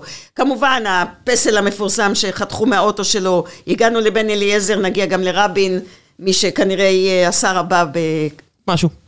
ב, באיזושהי ממשלה. כן. אה, בסבירות גבוהה מאוד. ברגע מסוים, ברגע מסוים אה, הייתה תחושה בציבור שצריך להביע לרבין, אנחנו שתומכים בתהליך, צריכים להביע את אמוננו. זאת הייתה הפגנה חד פעמית, הסתיימה כפי שהסתיימה, והמחנה שלנו ו- בעצם. וגם שם זה היה, וגם שם זה היה הפגנה אבל זה לא פוליטית. אזרחות פעילה. זה לא- זה לא נגד פעילה. נגד כיבוש כמו בעד רבין. זה לא אזרחות פעילה. זה לא אזרחות פעילה. אם, אם לוקחים זקן בן 80 וזורקים אותו לקפוא בקור, וזה גם יוצא החוצה לעיתונות, ואין אנשים שיוצאים לרחוב, סימן שאנחנו הרוב השקט. רגע, אני כן אגיד לך ש-90, הדומם. אהוד ברק מוציא את ישראל מלבנון הרבה בגלל אזרחות פעילה. כמה שנים זה לקח, וזה... אבל זה קרה. אבל אבל זה זה זה לא- אחרי סבא והרבה... אבל זה אזרחות פעילה של מי? של אימהות כן. שהתחילו... הם הצליחו, הנה, לא הרבה אנשים הצליחו לשנות, אמנם לקח הרבה זמן, אבל הם הצליחו לשנות את ההיסטוריה. בוודאי, יש כאלה. כן. אבל בגדול בישראל אין אזרחות פעילה. והאימהות האלה זה אימהות מהדור שלי. האימהות של ארבע אימהות. כן, בדור כן. שלי עוד הייתה מידה רבה של אזרחות פעילה, כי אנחנו גדלנו גם בתנועות הנוער וכולי. הצעירים היום לא יוצאים לרחוב, אני יכולה להגיד לך במחאה האחרונה, מחאת בלפור, שאגב לא הייתה כמוה בתולדות המדינה, שנמשכה למעלה משנה, שבוע אחרי שבוע עלו אלפים לבלפור, רובם היו מהדור שלי. בשלב מסוים באמת הצטרפו הצעירים, אבל זה לקח חודשים. אין לנו פה חינוך היום לאזרחות פעילה בכלל. יכול להיות שגם אין פה חינוך להאמין בכוחה של אזרחות פעילה לשנות, וזה מאוד מעציב אותי. חברה שלא מאמינה ביכולתה לשנות, היא חברה בצרות. זה גם לכיוון השני, את יודעת שהרבה מהמאזינים עכשיו ששומעים שהם אה, אה, 180 מעלות מ- מ- כנראה פוליטית ממך, זה לא חשוב. לא, אני אומר, אז הם, הם אומרים גם שעוקרים יישובים, או לא יודע מה, אין הפגנות נגד. זאת אומרת, אה, אה, זה- אותו פעילה- כן? אזרחות פעילה בכל סוג. כן, רק רציתי להגיד שאת אמרת, אה, באותו זמן השמאל הפסיק להיות, אני אומר, לא, גם הימין לא באמת מפגין למען הערכים שלו. אז אני אגיד את זה בצורה יותר רחבה, כדי שיהיה ברור מה השורה התחתונה שלי. השורה התחתונה שלי שהציבור הישראלי הוא סופר קונפורמי, מסוגר בעצמו אה, בכלל, ו- ו- ולא יוצא לרחוב, הוא לא מפגין על כלום. לא לשיטת האלה ולא לשיטת האלה. הצעירים שלנו, אולי זה פינוק, אולי זה... אה, אה, מצוקות היומיום לקנות דירה וכולי, אבל זה לא משנה. אז גם שתצאו תצאו לרחוב ותפציצו את הכנסת, ואת זה עכשיו לא מדברת. את ואני עכשיו מדברים, כי זה מה שקורה לרוב, על האוכלוסייה היהודית, אבל גם האוכלוסייה הערבית, שאת אומרת, אוקיי, הייתי קורא את סייד גשוע אה, בטור המעולה שלו בהארץ, היה כותב, כל הזמן, תקשיבו חברים, יורים פה, בלי הפסקה יורים, אי אפשר לחיות פה, והוא עקר את משפחתו, עזב את ישראל לשיקגו לעניות דעתי, ולא יחזור כנראה. זה לא נפסק מאז שהוא עזב לפני עשור, או לא יודע כמה שנים, וזה ממשיך עד היום, וגם אפילו הציבור המוסלמי, הערבי, נוצרי, לא מפגין נגד הדבר הזה. זאת אומרת, אנשים מקבלים, עזבי את הנוחות, יש אנשים שחיים פה במדינת ישראל אזרחים, במציאות בלתי נתפסת, ברהט ובאום אל-פחם, במציאות של אלימות בלתי פוסקת, בלי משטרה, בלי מדינה, ואפילו הם לא, לא מפגינים נגד הדבר הזה. תראה, אני לא, אני לא... זה עובדה, זה לא- אזרחים ישראלים שחיים במציאות בלתי אפשרית, ואפילו הם לא מפגינים נגד הדבר הזה עבור עצמם, את יודעת, אני- או מישהו עבורם, את יודעת, או... אין, אין את העניין הזה, זאת אומרת, הדבר הזה פשוט ממשיך, פשוט ממשיך. תשמע, הישראלים, לא מעניין אותם מה שקורה במגזר הערבי. וגם הם ישראלים, אני אומר, אם את אומרת היהודים, היהודים. כן, אבל, גם אני, אומר. אני מדבר על הישראל- הישראלים הערבים. הישראלים הערבים הם במצב מאוד קשה. אני, אני דווקא אותם אני לא שופטת, הם במצב מאוד קשה. הם מאוד מבוהלים. אה, חלק גדול מהנוצרים אגב בכלל עוזב. למה, למה, למה, מה זה לא, לא שופט, אני לא, מה, אני מסתכל, אני אומר, כאשר יש פיגוע בדיזנגוף. ואני לא מדברת על האחרון, על לפניו, באותו מקום, אה, בבר לידו, כן, אה, ומגיע ראש הממשלה, הנבחר של ישראל, שהוא ראש הממשלה של כל אזרחי ישראל, אה, עולה ומגיע עם פודיום, והנאום שהוא נושא במוצאי שבת ברחוב, נכנס ובעצם מגדיר את כל האוכלוסייה הערבית כאוכלוסייה שטופת טרור, וזה מה שהוא עשה. אה, האוכלוסייה הערבית, יש לה, היא, היא, היא, היא במצב כל כך קשה מבחינת הרצון שלה להשתייך, שמקבל כל הזמן סטירות לחי. אני אגב חושבת שהתקופה הנוכחית במובן מסוים, בזכות מנסור עבאס, שהוא כנראה אחד האנשים הכי חכמים במדינת ישראל, אה, עוברת איזושהי טלטלה היסטורית. אני חושבת שזאת התחלה של אה, טלטלה היסטורית, הסיפור הזה של אה, מחמוד עבאס שיושב בממשלה ומקרין את הצורך הזה, שאני כבר זיהיתי אותו לפני 40 שנה, להשתייך. פרגמטיזם. אה, לא, אנחנו אזרחים פה, אנחנו רוצים להיות שוויון אזרחי אמיתי עם היהודים, אנחנו אזרחים פה. חלק ממדינת ישראל. אני זוכרת שנתניהו אני, אני לא יודע מי זה אנחנו, אני, לא, אני לא יודע מי זה אנחנו, כשאני מסתכל על הפזורה הבדואית שבסוף הוא מייצג אותה, ואני מסתכל על אנשים שיורים עליהם כל לילה, ואני אומר, איפה אה, הקול צעקה הזו, שאני אומר, יש שם נשים שהן אה, חלק מביגמיה, ואני בטוח שהן לא רוצות את המציאות הזו, והן עוברות דברים שמדינת עולם שלישית, אז אמנם זה לא כריתת דגדגן כמו במצרים, מזלנו, אה, שזה לא על שמנו, לפחות 80% מהאנשים שם עברו את הדבר לאן אתה לוקח את הדיון הזה? לא, אז אני אומר, אה, הערבים פה, ש- שאת אומרת, מחמוד עבאס, יש לו פה אנשים שהוא מייצג, ואני אומר, מה זה אנחנו? יש פה אנשים שצריך לדאוג להם עכשיו, לא... לא זה אה, אנחנו- נכון, אה, ו- ו- אבל- ולא מדברים על זה. כן, מדברים על זה הרבה. 15 שנה מנסים להסביר פה אנשים שמדברים, כולל נוכ... הנוכח... הנוכחית שמדברת איתך פה, מנסים להסביר שהאלימות לא תישאר סגורה שם. 15 שנה פה במדינת ישראל לא טופלו בעיות יסוד תשתיתיות. מה זה 15 שנה? מה קרה לפני כן?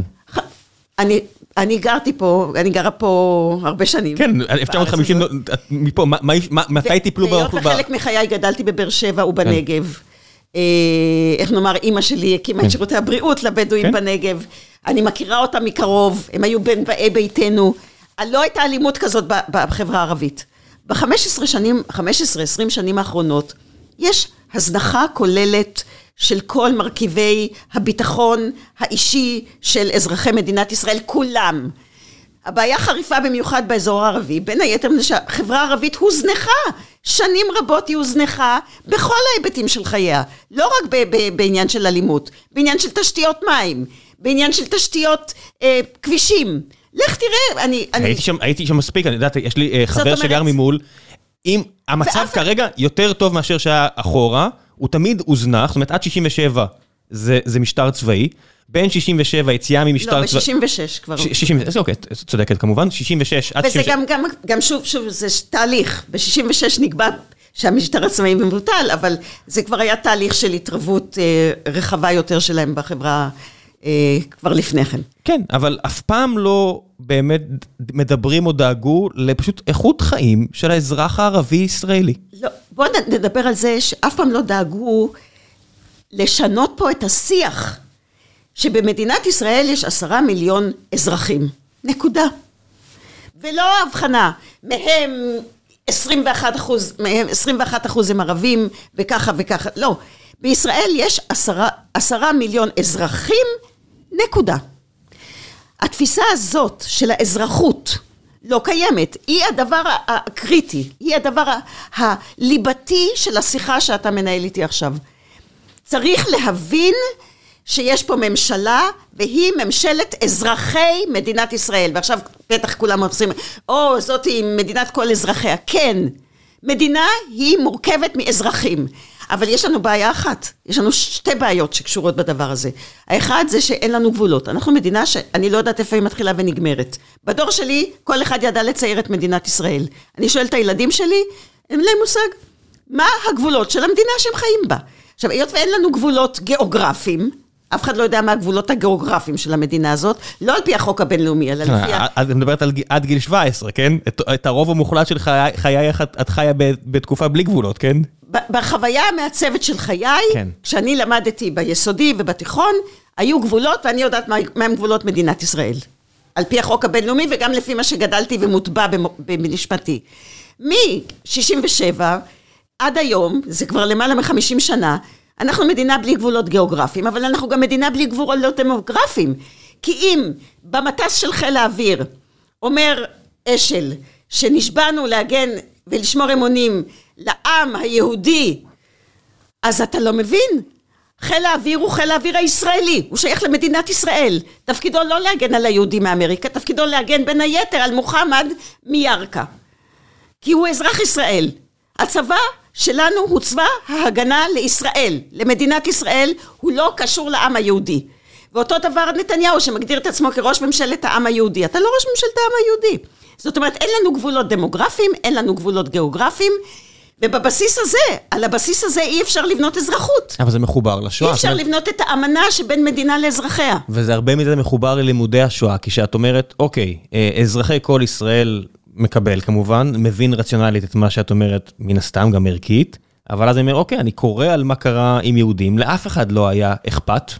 כמו שאת אומרת, לאדם הסביר פשוט לא היה אכפת. לקחו אנשים מביתם, ילדים מגיל 0 עד גיל 100, ואמרו למחנות, לגז. לאף אחד לא היה אכפת, נקודה, לאף אחד לא היה אכפת. ואני אומר, אוקיי, הנה יש פה מדינה אחת שאומרת, דבר ראשון, לפני הכל, זה מה שאכפת לי, never again. ואני אומר, אוקיי, אני מבין שזה יכול אה, לצבות באוזן ובעין לאדם המוסלמי פה, אבל אני אומר, אבל זו מטרה שאני חי איתה בשלום. אני מבין למה זה מעצבן, אבל אני אומר, שאני מסתכל על הדבר הזה, אני שומע אותך, וקראתי דברים שאת אומרת, ואני אומר, את מספרת שלאף אחד לא היה אכפת. ואני אומר, נחמד לי שלמישהו אכפת, ומישהו אני... שם את זה למעלה בתור יותר לעם היהודי, לא יקרה. ראם. לא משנה מה, לא יקרה. ראם. נחמד לי. אני אבל לא מדברת במושגים כאלה כוללים. אני, אני אמרתי, לא אמרתי עלייך, אני אמרתי שאני שומע אותך, ואני אומר... אני לא אמרתי אף פעם שלאף אחד לא היה אכפת. לא, אמרת לאדם הסביר, לאדם הסביר. האדם הסביר. אני אומר, שלאדם הסביר לא אכפת, אני שמח שיש צבא, שאני התנדבתי לשרת בו, יחידה מיוחדת, כל הזה, האתוס שאני התנדבתי עבורו זה, כן, דבר ראשון, זאת אומרת, המשטרה, הימ"מ, יכול לדאוג לבן אדם ברהט, ואני מקווה שהם יעשו את זה, ואני כל יום כותב על זה שהם חייבים לעשות את זה. אבל כחייל, בגלל זה גם אני אומר, זה לא חובה לאדם המוסלמי. כחייל, הדבר הראשון שאני אומר, זה אני לא, לא מוכן שזה יקרה יותר, בגלל זה אני התנדבתי. אני לא מוכן שזה יקרה יותר לאוכלוסייה הערבית. כשאני אירחתי פה ערבים, והם אומרים לי, אה, כן, חלק מהזהות שלנו זה לסוריה הגדולה. ואני אומר, אני בסדר, כל אדם זכותו לחיות מה שהוא אומר. אני מקבל את זה. אה, ואני מבין גם מאיפה זה מגיע. היסטורית זה באמת היה סוריה הגדולה. אני אומר, אבל אני כאדם, דבר ראשון, אני אומר, never again. אוקיי. Okay. אז אני רוצה לענות לך. כן. אה, ואני מבין את זה, זה מה שאני רק אומר, יש פה גם רציונל פה. אה, תראה, מדינת ישראל צריכה להיות מוכוונת אה, על ידי הצרכים שלה כמדינה. הרעיון הציוני הוא בבסיסו רעיון של נורמליות. עם אנחנו ככל העמים, כותב הרצל במדינת היהודים. ולכן מגיע לנו הגדרה עצמית, ומגיע לנו מדינה עם גבולות ברורים. והשאיפה שלי כחנה, וזה אני אומרת אה, באופן יסודי, אבל זה לא הדבר העיקרי שאני רוצה לומר, זה שאני אחיה פה במדינה שהיא מדינה טובה, שוויונית, הוגנת לאנשים שהם אזרחיה ומשלמים מיסים בה, אה, ושכל אדם באשר הוא אדם שווה לרעהו. מקבל. כמו שאומרים לנו הניצולים במנשר הניצולים המפורסם, מהר הזיכרון יוצאת לעולם קריאתו של הלל הזקן, אל תעשה לחברך מה ששנוא עליך ואידך זיל גמור, אין דבר אחר ללמוד מהסיפור הזה. עכשיו, ואני אומרת, את, ומה שחשוב לי, ומה שלא קורה בארץ, זה קודם כל הנורמליות הזאת. בגיל חמש, בגן חובה, מספרים בדרך כזו או אחרת לילדים בני חמש, איך בגדול בכל דור ודור קמים עלינו לכלותנו. לא במילים האלה, אולי לא כך, אבל מגיל חמש מכניסים להם את התחושה של להיות יהודי זו גזירת גורל. לא, זה לא גזירת גורל, זה לא בהכרח גזירת גורל. ובכלל, כל התפיסה הפטליסטית לא רלוונטית למי שאוהב חיים ורוצה לחיות. רגע, האם המשפט הזה הוא לא נכון?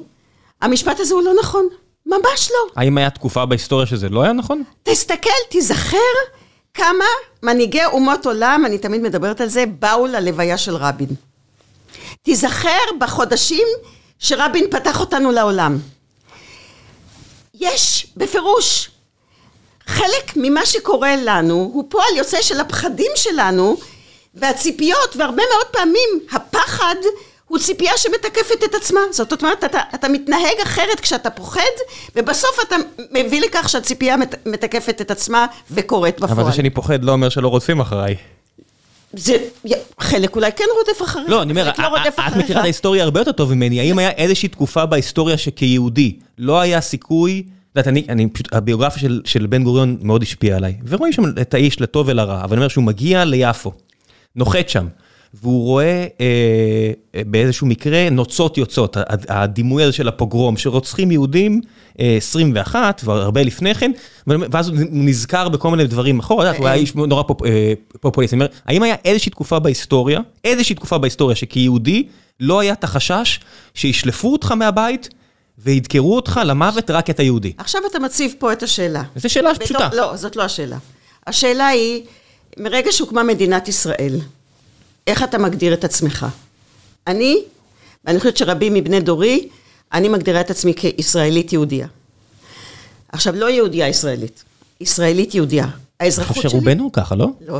אתה תשאל אלפי אנשים, אחד הדברים שאומרים אה, צעירים שנוסעים לפולין, נסענו ישראלים, חזרנו יהודים. אני רוצה שישבו וינתחו איתם את המשפט הזה עד הסוף. אני לא רוצה לעשות את זה עכשיו. כן. אני ישראלית, כי אני חיה במדינת ישראל, יש לי דרכון ישראלי, הזהות שלי היא ישראלית כי זאת המדינה שלי. בדתי אני יהודייה. נולדתי יהודייה. כן. עכשיו, זה לא השיח הישראלי היום.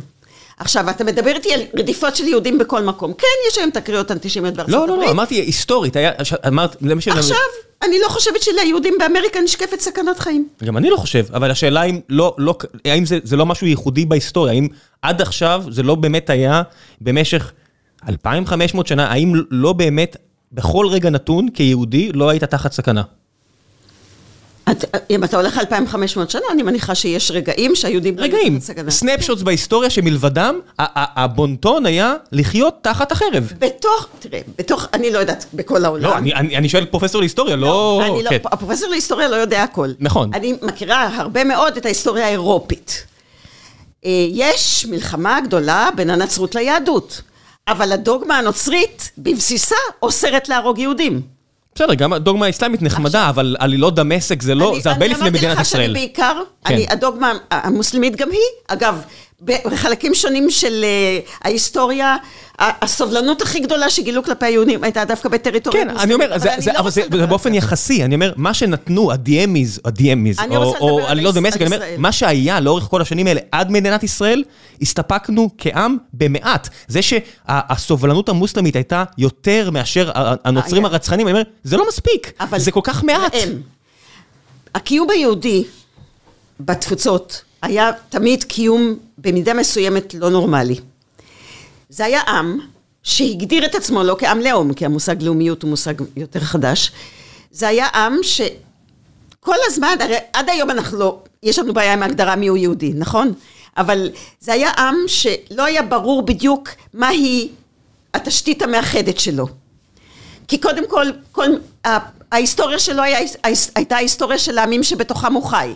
והוא חי בקרב, כמו שאנחנו נוהגים לומר, 70 גלויות. בואי נגיד ככה, שלפי ההגדרה הזו, אם, אם העם היהודי הוא קשה להגדרה, העם הפלסטיני הוא בלתי אפשרי להגדרה. אני- אני- עכשיו- ב- ביח- ביחס ההיסטורי, העם היהודי מוגדר די טוב. זאת אומרת, אני זה לא תרבות חייבת עכשיו. לענות את ה- בוודאי שלא, אני רק אומר, אני לא מקבל את ההצהרה שהעם היהודי לא מוגדר היטב. אני אומר, העם האיטלקי הוגדר הרבה פחות טוב עד עד, אה, לא, אבל לא עד אמצע המאה המשפט. ה-19. אוקיי.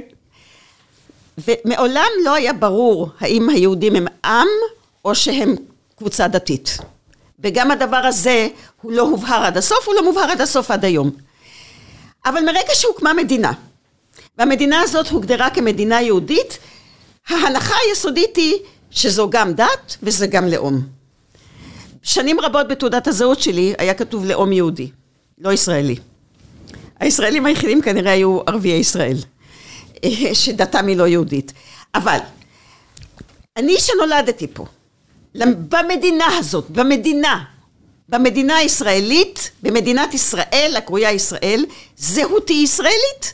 זו מדינה ששוכנת לחופי הים התיכון, לא אירופה, לא כמו הוריי, לא אמריקה, שוכנת לחופי הים התיכון, יש לה היסטוריה של העם היהודי, או בוא נגיד בארץ, ב, איך, אומר, איך, איך אומר בן גוריון בפתיחת אה, הכרזת העצמאות, אה, בה אה, אה, נכתב ספר הספרים, בארץ ישראל קם העם היהודי, זה התשתית הלאומית של ההיסטורית שלי, כפי שאני מבינה אותה, כפי שלימדו אותי, כפי שנטמעה בי, לפעמים אני מתקוממת נגדה. יש פה איזשהו, היה צריך להיות פה איזשהו קיום לאומי נורמלי. מרגע שאנחנו לאום, שיש לו גם דת, צריך היה להיות פה איזשהו קיום לאומי נורמלי, שבטוח בקיומו. זאת התשתית של הציונות, זה הדבר הבסיסי בציונות, שזה גם חברת מופת, אבל גם ביטחון קיומי פיזי. החדירה של השואה כמרכיב שלנו, בזהות הלאומית שלנו, שהיא לא הייתה מההתחלה, שהיא איפשהו בסוף שנות ה-60, בתהליך, אה, הופכת להיות מרכזית, בעצם חרבנה, סליחה, הכל טוב.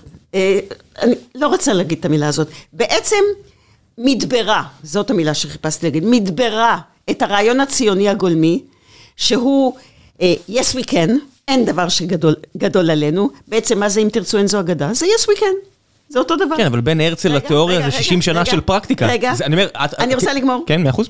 אמ, בשנת, באמצע שנות החמישים, בן גוריון החליט שצריך שיהיה קו ירקון נגב. תוך חצי שנה היה קו ירקון נגב. ירדו מים לדרום. אין מפעל, החליט שיהיה ביעור הבערות. שלא יהיו אנשים שלא יודע קרוא וכתוב. גייס את הצבא, אה, העביר את, את מפעל ביעור הבערות. לא היה מפעל חינוכי או אזרחי שלא בוצע ברגע שהוחלט עליו. מדינת ישראל איבדה את היכולת שלה לחלום בגדול. יש פה נקודות מצוינות כאלה ואחרות. מה, איך- איך את יכולה להגיד אני- דבר כזה? אני צריכה לגמור את מאה אחוז, הרעיון. מאה אחוז. אמ, עכשיו, אה, ברמה הרחבה, הלאומית, מדינת ישראל איבדה את היכולת להרים פרויקטים בגדול. אני מסתכלת על הרכבת, תחליט וכו', אבל זה לא מה שאני רוצה להגיד בעיקר. מה שאני, חשוב לי לומר בעיקר, זה שהרעיון הציוני היה, אה, אם אתה גם תקרא את אלטנוילנד של הרצל, הרעיון הציוני היה, יש בכוחנו. אנחנו מסוגלים, לא צריכים לחכות שייתנו לנו אמנציפציה, מה ש... בעצם גלגול של האוטו-אמנציפציה. כל מה שאנחנו רוצים, אנחנו נעשה בעצמנו. ויש בכוחנו, וזאת תהיה חברת מופת, אור לגויים, והכל קטן עלינו. והנה חדרה לתוכנו השואה, כמרכיב בזהות הלאומית. ומראשית שנות ה-60, פתאום ישראל אין לה כבר אספירציות, לא אנושיות, לא חברתיות, אלא היא המפלט האחרון, כמו שאומר גדעון האוזנר בפקודת יום לצבא בשנת 61, כי הוא נהיה סלבריטי אחרי משפט אייכמן. ופתאום, הדבר המרכזי ש, שמכוון אותנו, זה שאנחנו תעודת הביטוח של העם היהודי. עכשיו, מ- מבנייה ועשייה ויוזמה וחזון, אנחנו התקפלנו, ההגדרה של הציונות שלנו היא ציונות על דרך השלילה. ישראל היא האלטרנטיבה לקטסטרופה. זאת לא אג'נדה לבניית חומה. האג'נדה לבניית חומה היא חזון, היא אור, היא לא התקפלות לאיזושהי אלטרנטיבה אה, קיומית. את הדבר הזה אני מבכה. אז אם אתה ש... תשאל אותי, לאן אני מתגעגעת? אני מתגעגעת למקום שבו האמנו שאנחנו הכי טובים, שמערכת החינוך שלנו הכי טובה, וזה גם גובה כמובן בהישגים בינלאומיים. בראשית שנות ה-60 ישראל הייתה מקום ראשון שני בעולם בהישגים חינוכיים. וזה גם גובה באמונה הבסיסית שלנו, שהשמיים הם הגבול, שנעלמה מחיינו. עכשיו, זה לא אומר, כן, פיתחו עכשיו לייזר שיוריד טילים. יש אצלנו אי של מצוינות, ההייטק שלנו באמת כנראה מדהים. אבל ברמה הרחבה, האזרחית, שהאזרח הישראלי קם בבוקר ואומר, וואלה, השמיים הם הגבול. ואני פה רוצה להיות המדינה הכי מרשימה בעולם, זה פחות חשוב לנו היום. כי אנחנו מקופלים בפחד, ואנחנו יודעים שאנחנו אלטרנטיבה קיומית שצריכה להתבצר. ישראל הופכת להיות מבצר. אפשר להגיב על זה? אה, ודאי. אז אני לא מקבל את מה שאת אומרת מסיבה פשוטה, אה, כי אני אוהב נורא היסטוריה. אני אומר, בין הרצל לבין אה, השואה, יש, לא יודע, המשפחה שלי הגיעה מקישינב. הרבה מאלה שברחו ממזרח אירופה, כמו שאמרנו, גרמניה, אנשים אוהבים את גרמניה. מיליוני יהודים עוזבים את תחום המושב, כי טובחים בהם. כי הם צריכים להסתתר בעליות גג כמו עכברים, אחרת ישחטו אותם, רק בגלל שהם רוצים סדר. מיליונים מהם בורחים לארצות הברית. מאות אלפים בורחים לאנגליה ואוסטרליה, כי מדינת ישראל התחילה בתור קקמייקה. כי מעבר לחזון, הביצוע היה כל כך כושל, שאפילו בילו, שהגיעו לכאן עם כל האמונה, התקפלו תוך חודשיים. האנשים שהגיעו לכאן, והיה להם את החזון, רובם המוחלט עזב. בשנות ה-60, אפילו האחרון שיכבה את האור, כי המדינה לא הצליחה לעמוד על הרגליים. כי ראשוני הציונים לא הצליחו להקים כאן משהו שאנשים לא העדיפו את ארצות הברית, את, ה, את החוויה הפשוט יותר טובה. אלה שנשארו כאן, זה היה משוגעים עם החזון, באמת מגניב, אבל כשהם הגיעו, הם גילו שטובחים בהם במאות. במאות, בכמה ימים, רק בגלל שהם יהודים. את אומרת, מה, הכניסו אותם לפה, וטבחו ביהודים, שוב, אדם יהודי קם בבוקר, נכנס אדם עם מעכלת ועורף את ראשו 1921, 1929, רק כי הוא יהודי. והוא ברח ממזרח אירופה כדי שזה לא יקרה. הוא ברח במיליונים, במיליונים לעולם החדש, ואלה שהיו משוגעים וקצת נתפסו על הרעיון הזה הגיעו לכאן, ולא היה מזור. אוקיי. Okay. ואנשים פורעים, רצחו אותם רק כי הם יהודים. אי אפשר לברוח שבין החזון של הרצל לבין 1960 שאת אומרת, היה פה מדינה נכשלת שלא הצליחה, אה, את אומרת על, על, על בן גוריון, בן גוריון הגיע עם אשתו פולה ל, ל, ל, ליד נחל צין שם, והיא כל כך היה רע לה, שהצניחו לה חבילות. והביאו לה, ואני קורא את זה בביוגרפיה שלו, הביאו לה את התמרוקים שהיא רצתה, ואת כל הדברים, בדיוק כמו ששרה נתניהו עושה, בדיוק כמו שלאה רבין עשתה, פשוט אז לא היה עיתונות.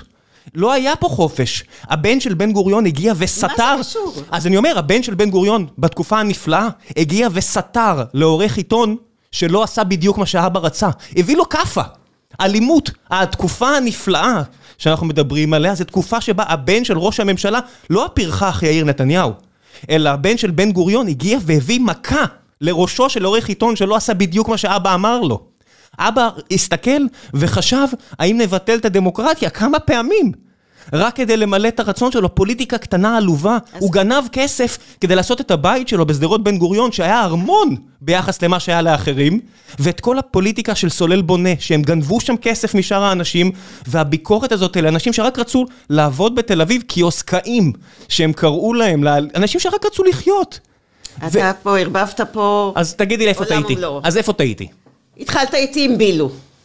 אני מדברת על, על ה' באייר תש"ח, ואילך.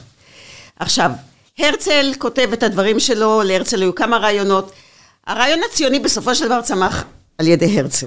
אין מה לעשות, הוא יקים גם את, ההסתד... את הקונגרס הציוני ואת ההסתדרות הציונית שהיו המכשיר שהפעיל את הדבר הזה. זה היה נראה אז רעיון מופרך. כולם בווינה צחקו כשיצאה מדינת היהודים. אני לא רוצה לדבר בכלל על הדבר הזה. ואני גם לא רוצה לדבר על, על בן גוריון, אנחנו יכולים לעשות שיחה אחרת. אני רוצה לדבר על הסיפור של מה שקרה ברגע שהשואה הפכה להיות המרכיב המרכזי בזהות הלאומית שלנו. וזה הדבר שבעיקר חשוב לי. עכשיו, אתה רוצה שאני אגיד לך מילה אחת על ישראל של שנות החמישים והשישים? אה, בן גוריון היה לו העוז להכריז על המדינה. העוז. יש הרבה פרוטוקולים שנמחקו. אם לא בן גוריון, הרבה מאוד דברים כנראה לא היו קורים. לא היה מדינה כנראה. אז את הכבוד של בן גוריון צריך לתת לו אה, מעל ומעבר. הוא אדם גדול, גם עושה טעויות גדולות. אף אחד, אף אחד לא עושה טעויות אם הוא לא עושה שום דבר. כמו בקורסיני, מי שלא עושה לא טועה. נכון. עכשיו, אה, השנים הראשונות לקיומה של המדינה, אני רק רוצה שנכניס את זה עכשיו לפרופורציות, בוודאי שלא, אנחנו אומרים הרבה פעמים שהייתה פה דמוקטטורה, זה נכון, אבל מצד שני, היו פה 600 אלף איש, שרובם ככולם היו עולים חדשים בעצמם, בה' באייר תש"ח, שתוך שלוש שנים קיבלו כמעט 900 אלף עולים חדשים, תוך כדי הקשה במלחמות ישראל, תוך כדי כל הקשיים האדמיניסטרטיביים של להעביר שלטון מיישוב למדינה, ולמרות זאת הדמוקרטיה שרדה. ולמרות זאת... בצורה מדהימה. זאת אומרת, הפשלות הם לא כל כך... הביצועיזם היה מטורף. אה, אבל תחת משטר צבאי של אזרחים. אני אומר, את תשכחי שהתקופה הזו שאת מדברת עליה, הם שמו אנשים פה תחת משטר צבאי במשך 20 שנה. לא. אני...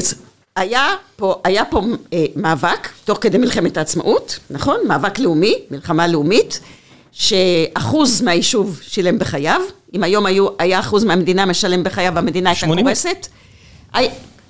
ששת אלפים איש נפלו במלחמת יום העצמאות. אחוז היום שווה 80 אלף, 90 אלף אנשים. נכון, המדינה לא הייתה מחזיקה מעמד. המדינה הייתה מחזיקה מעמד. אני חושב שאנחנו, שאנשים, אנשים, פה אנחנו נחלוק על דעתי. לא, זאת כן. הייתה אמירה היסטורית, כן, אין כן, אם. כן. אני מדברת רק על דברים שקרו. ולמרות זאת, אה, זה לא קרס. עם קליטה של פי שלושה מהאוכלוסייה שהייתה פה קודם. עכשיו, אני מדברת, וזה לא מה שאני רוצה להגיד.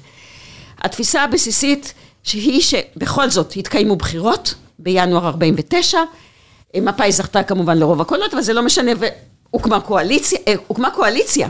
בן גוריון יכול היה ב-49 להקים ממשלה רק הוא ומפ"ם, והוא לא רצה, כי הוא רצה לעשות ממשלה רחבה, כי הוא חשב שחשוב שיהיה ייצוג, ולכן הוא הכניס את החזית הדתית לתוך הממשלה וויתר על מפ"ם. זאת אומרת, הראייה הייתה ראייה ממלכתית.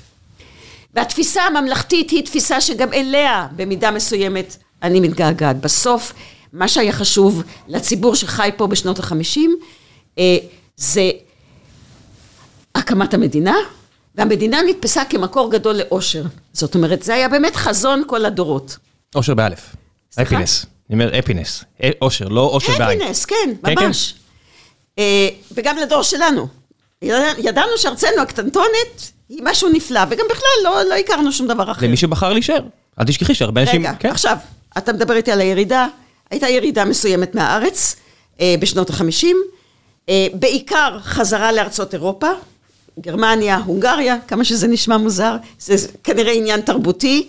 Uh, הירידה הייתה קטנה מאוד אגב, היא לא הייתה בממדים כל כך גדולים, וזאת הייתה בושה גדולה, אבל זה, שוב, אני לא, גם ירידה היא לגיטימית. ברור שהיא לגיטימית, זה הגירה. עצם המושג ירידה, עלייה, אני אומר, נכון. אנחנו בני אדם, כל אחד שיחיה נכון, איפה שהוא נכון, רוצה. נכון, רק אני, אני אומרת עלייה, מפני שבציבור שאני חקרתי אותו הכי הרבה, שזה כן, הציבור של, ניצולי השואה, uh, הגעתם לפה נחשבה ביניהם עלייה. בוודאי אחרי שאירופה זרקה אותם כפי ש... והפקירה אותם כפי שהפקירה. אבל להיות יהודי זה לא מכת גורל. בסוף הגורל, אני מאמינה בזה שחייך, צורתם, האינטראקציה האנושית הכוללת שלך היא פועל יוצא של מה שאתה עושה, של האחריות שלך, של מה שאתה לוקח עליו אחריות. לחיות בתפיסה שאתה מציג לי אותה, שבכל מקום הרגו את היהודים, קישינב לא רלוונטי למדינת ישראל. אבל רלוונטי לי. אני, אם בסיבוב נורא קטן של ההיסטוריה, סבא שלי או אבא שלו, לא שורד. רוצחים אותו רק כי הוא יהודי. אני מבין שלך זה לא רלוונטי. אבל לי, אני מדברת, אני, אתה שואל אותי. אז אני מדבר על לי. לי, ונורא חשוב לי להעביר, כי כמוני יש הרבה, לי, בסיבוב טיפה שונה של ההיסטוריה, אין אותי. כי סבא או אבא של סבא נרצח, כי מישהו אמר אין יהודים, לא בא לי. גדלתי בבית עם אימא עם מספר על היד, שהייתה באושוויץ, ואיבדה את הוריה, ואיבדה את אחותה, ואיבדה את בעלה הראשון, ועם אבא שורד שואה. ועדיין, זה לא המסר שאני קיבלתי מהם. המסר שאני קיבלתי מהם שיש מדינה, צריך לחזק אותה, צריך לעשות אותה מדינה טובה, שהילדים שלנו יהיו בה מאושרים, שיקבלו מערכת חינוך מצוינת, שיהיה בה צדק, שיהיה בה אהבה לזר. כמו שאימא שלי אמרה, אני הקמתי את ה... אמרה פעם בשאלה של אה, טלי אה, ליפקין שחק בריאיון, היא אומרת, דווקא את הקמת שירותי הבריאות לבדואים בנגב? היא אמרה, זה לא למרות השואה, זה בגלל השואה. מפני שאני ראיתי מה האדם מסוגל לעשות לרעהו. ואמרתי, במדינה שלי זה לא יקרה. ואין לנו את השיח הזה מספיק חזק בישראל שלנו היום, בין היתר, מפני שאנחנו פה מפתחים אצלנו את הפסיכה, שהנה איראן עומדת לחסל אותנו, והנה הערבים מבפנים, הם גיס חמישי.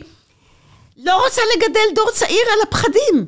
צריך לגדל פה אזרחים שחושבים שהדבר המרכזי שהם יכולים לעשות בשביל המקום הזה זה ללמוד, להתפתח, לדאוג ש...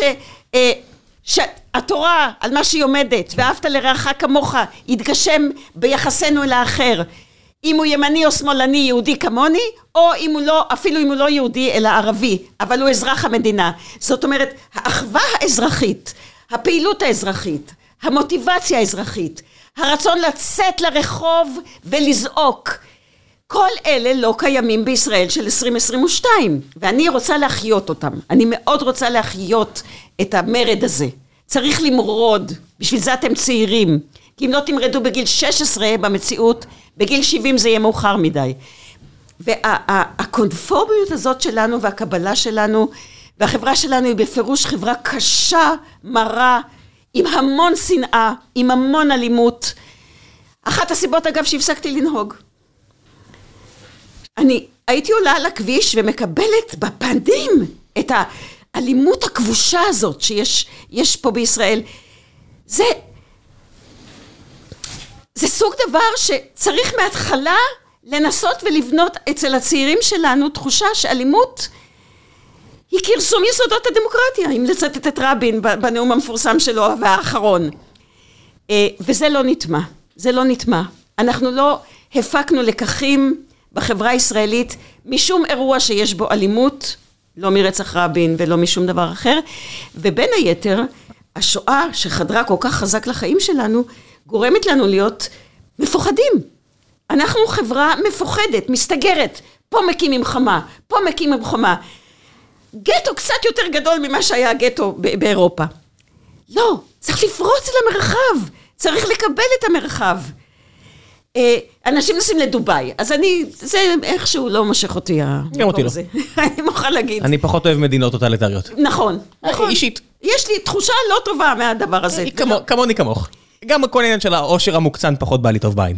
מוחצן, וש-90% מהאוכלוסייה הם אה, עבדים של 10% עשירים. כן. זה משהו ככה לא, לא, לא מסתדר לי טוב. שיש אלפי, שאלפי פועלים מתים בבניית אצטדיונים, פחות בא לי טוב. נכון. לי אישית.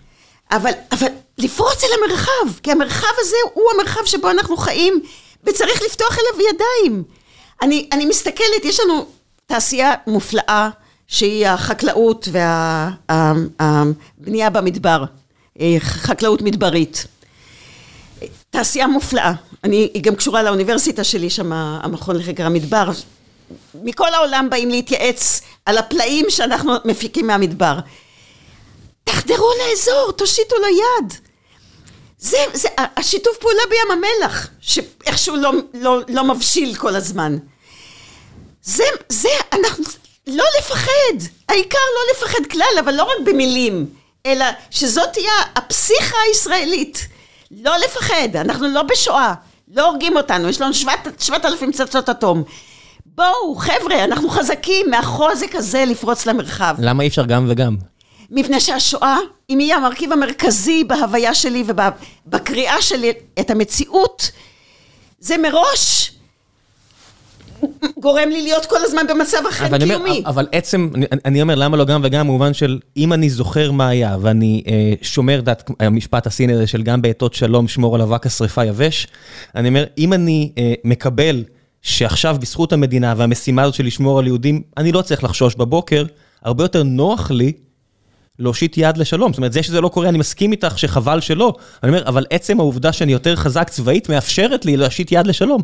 זה, זה תיאורטית. עכשיו, השאלה היא מה אתה עושה בתחום החינוך. ילד קטן שנולד היום, היום בישראל, אנחנו היום ב-26 לרביעי, נכון? זה גם יום הולדת של הבן הקטן שלי. מזל טוב. וזה אני ידעתי ישר את התאריך. אמ, ילד שנולד היום ב-26 לרביעי, לאיזה השקפת, הוא טבולה ראסה, נכון? לאיזה השקפת עולם הוא יגדל? האם הוא יגדל להשקפת עולם, אני חזק, מספיק, כדי לפתוח את עצמי לעולם. בוא, בוא נתחיל עם המרחב שבתוכו אני חי. להרגיש בנוח במרחב שבו אני חי, ולא להתקפד מגיל ארבע בפחד, שבכל מקום אורב לי הרוצח. ולעשות את זה מתוך עוצמה שיש לנו. שיש לנו. העוצמה שלנו לא מרגיעה אותנו. אין דבר שמרגיע אותנו. אותנו שאנחנו לא חושבים על זה. מפני שמול עינינו, מגיל ארבע, אנחנו רואים את ההמונים צועדים לתאי הגזים. תאי הגזים לעולם לא יימחקו מה, מה, מה, מה, מההיסטוריה שלנו. האמת שאני לא בטוחה גם בזה, אבל... כן, uh... אני, אני נוטה לחשוב ש-1492 נמחקה יופי טופי, אין לי שום רגשות קשים נגד ספרד. נכון. ורק לפני 500 שנה, מי שלא התנצל, יודעת, דרום אמריקה מלאה באנשים שפעם היו יהודים, והדרך שלהם להגיע לעולם החדש הייתה להגיד, אז אני לא יהודי יותר. וזה היה. זה ששכח, הזמן מעלים הכל. הזמן יעלים, בהינתן אלפי שנים, גם הסיפור הזה יעלם. זה נכון, ויחד עם זה, אין עוד אירוע בהיסטוריה, שיש, ברחבי העולם יש 500 מוזיאוני שואה. אין עוד אירוע כזה, ברחבי העולם. זאת אומרת, העולם משוחח את השואה. העולם מבין שקרה שם משהו ציוויליזציוני, מהפכני. אין עוד, ואין עוד אירוע שהאומות המאוחדות החליטו פה אחד לקיים אותו כיום זיכרון בינלאומי. אין עוד. זאת אומרת, השואה היא בפירוש אירוע משנה תקופה. אבל משנה באיזה צורה? ולנו כיהודים שהיו קורבנותיו, מה זה אומר לנו? לאן אנחנו הולכים?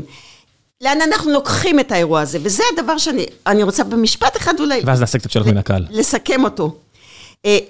ואני אומרת את זה לסטודנטים שלי בסוף כל, כל קורס. השואה היא לא פריבילגיה, השואה היא מחויבות. ובמיוחד לעם שעבר אותה. זאת אומרת, זה לא פוטר אותנו מאחריות מוסרית, להפך. פעם בחודש תעצרו, תשאלו את עצמכם, האם בחודש האחרון אני, חנה, והחברה שבתוכה אני, חנה, גרה, עמדה במבחן השואה. ועמדה במבחן השואה למשל ביחסה לאחר החי בקרבה. אלה השאלות שאנחנו צריכים לשאול. זאת אומרת, לא מעניין אותי לשים אצבע בעין של העולם. מעניין אותי מה שאבא קובנר אומר. שהוראת השואה היא בעצם אה, מצב של חשבון נפש פנימי בתוכנו ולעד. זה חשבון נפש שאסור לו שייפסק. הוא אין לו נקודת סיום, אבל הוא בתוכנו. אנחנו צריכים לדון גם ביום השואה וגם בימים רגילים. מהי המחויבות שהשואה נושאת בתוכנו, ולא להסתכל על העולם. זאת אומרת, העולם כבודו במקומו מונח, שיתמודד גם הוא עם השואה, והוא מתמודד, חלקו לפחות. אבל אותי מעניין החברה שלי, החברה שבתוכה אני חיה. לאן, לאן היא מובילה את השואה? עכשיו אנחנו לא בפני שואה, ישראל לא בפני שואה. באמת היא לא בפני שואה. אז בואו נחפש את ההיבט שעליו התורה שלנו עומדת. ודווקא אני אומרת עכשיו תורה, ואני לא בן אדם דתי, אני חילונית לגמרי. אבל יש בתורה דברים חשובים. בואו נראה איך אנחנו עומדים במבחן הזה. ואנחנו לא שואלים את השאלה הזאת. בואו נעשה קצת אה, שאלות מן הקהל ותמשיכי, אה, זה ייתן לך הזדמנות אה, להדגיש עוד כמה נקודות. ולפני שנגיע לשלב השאלות מן הקהל, דבר המפרסם. היי hey, חבר'ה, לפני שנחזור לפרק הזה עם חנה, אני רוצה לספר לכם על נותני החסות הנוספים שלנו, והפעם זו אחת מהחברות שאני הכי אוהב לעבוד איתן. חברת פנדה זיזי מוכרת מיטות, מזרנים וכלי מיטה ושלל דברים אחרים ישירות מהאתר שלהם, מה שמאפשר להם להציע לכם הכל במחירים מעולים, כי כשאין לך אולמות תצוגה, כשאתה מגיע אליהם ומושיב את הטוסיק אה, שלך או שלך על שלל מזרנים ולא באמת יודעים מה נוח יותר או נוח פחות, אתם בדרך כלל קונים את הקנייה הלא נכונה. במקרה של פנדה, כיוון שהכל מהאינטרנט, לא רק שיש מחירים נוחים, הם גם מציעים לכם אה, להח... לקבל בחזרה, להחזיר את המוצרים האלה אם הם לא נוחים לכם. עשרות ימים לאחר שכבר אתם ישנים על המזרן, אם לא טוב לכם, תחזירו. ומדובר באמת במוצרים מעולים. ואיך אני יודע? כי הילד שלי ישן על מזרן של פנדה, שקניתי עוד לפני שקשור לחסות פה, ומן הסתם יצא לי גם אה, לשכב שם ולישון שם אפילו מדי פעם, וזה יופי יופי של מיטה, מזרן, מאוד מאוד נוח, במחירים מעולים, ואם תשתמשו בקוד גיק 10, בקופון גיק 10, G-E-E-K 10, גם תקבלו הנחה של 10% בעת הרכישה. אני ממליץ לכם אישית על קנייה מעולה עם שירות לקוחות מעולה, חברה נהדרת, לכו על זה. ועכשיו, בחזרה לפרק עם חנה, מקווה שאתם נהנים. סשה שואלת, סשה מרקוצ'קין, שואלת, מדוע נעלמה שואת יהודי בלרוס מהנרטיב הלאומי? משפחתה מבוברויסק. טוב, אני אומר ככה, קודם כל, בנרטיב הלאומי אין בעצם, למעט הסיפור של יהודי פולין, בנרטיב הלאומי רוב המדינות הקטנות פחות מיוצגות. הוא קיים ביד ושם, והוא קיים uh, בספרי אזכור קהילתיים, אני יכולה להעיד על הקהילה שממנה אני באה, סלובקית. מי יודע מה קרה בסלובקיה בזמן מלחמת העולם השנייה, ואף פעם לא הרגשתי שאני מקופחת מבחינת הנרטיב הלאומי. ברור הוא שהסיפור של פולין כבש את הבמה.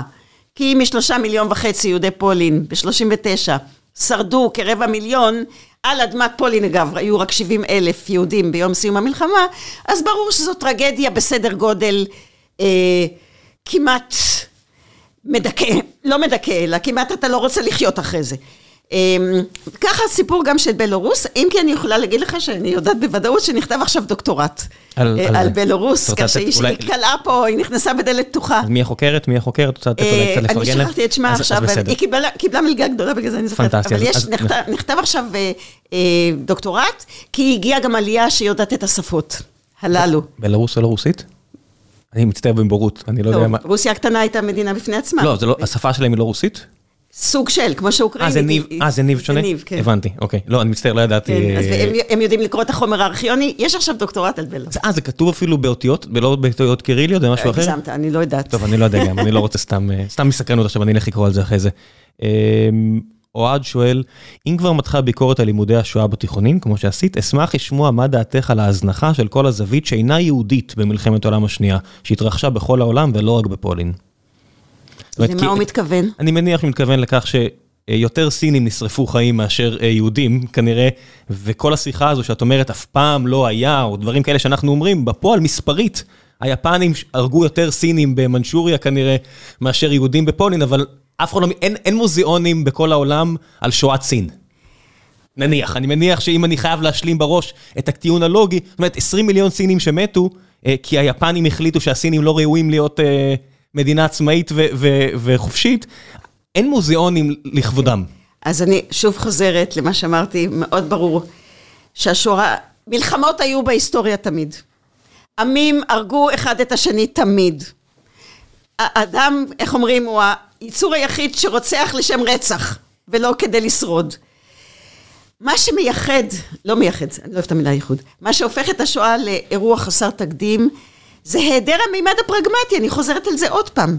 זאת אומרת, האנושות תפסה שברצח היהודים, בתוכנית הזאת לפתרון סופי, גלובלי, של הרצון למחוק קבוצה אתנית שלמה מעל פני האדמה, שלא עשתה לאף אחד רע, שהייתה פטריוטית גרמנית, שלא היה שם לא עימות דתי ולא עימות טריטוריאלי ולא עימות אה, כלכלי, שום דבר. קרה פה דבר שהוא חסר תקדים, אשר על כן הסיפור היהודי מהווה כזה, והשואה ממלאת את מדף הספרים היום יותר מאשר מלחמת העולם השנייה. כי יש פה משהו שהבן אדם עוד לא מצליח לפצח אותו ואת מקורותיו, והוא כנראה לא רוצה שהוא יקרה עוד פעם. אה, אבל מרגע שהוא קרה פעם אחת, אז הוא יכול לקרות עוד פעם, ולכן אה, התחושה הייתה אחרי המלחמה, המושג אגב, אני אולי לא אמרתי את זה קודם, המושג ג'נוסייד נולד במלחמת העולם השנייה, ב-44, זה מושג שלא היה קיים קודם לכן. זה לא מקרה, פשעים נגד האנושות הוא מושג משפטי שצמח רק ב-45. זה לא מקרה, מפני שקרה פה משהו שהרגישו שהוא חסר תקדים ושהוא פשע נגד הציוויליזציה. האנושית, שבלעדיו ובלי להחזיר את הסדר על כנו, לא ייתכן שוב סדר עולם חדש. ולכן הסיפור היהודי תופס כל כך הרבה מקום, ופחות אה, הסיני. אבל אני אגב לא יודעת מה לומדים בבתי הספר בסין וביפן. אה, לא, אני מניח שהם מתרעמים למה אה, לא... זאת אומרת, אני אגיד לך מה, לי יש, אה, אה, אמרתי לך, פסל על צ'רצ'יל, יש לי אוסף mm-hmm. של פסלים של אישים אה, במשרד. אה, ואני יודע שיבואו משקיעים סינים, יש לנו משקיעים סינים, אני יודע שאם יבואו למשרד, אני אסתיר את הבובה של ג'ינגיס חאן. כי ג'ינגיס חאן זה ההיטלר שלהם.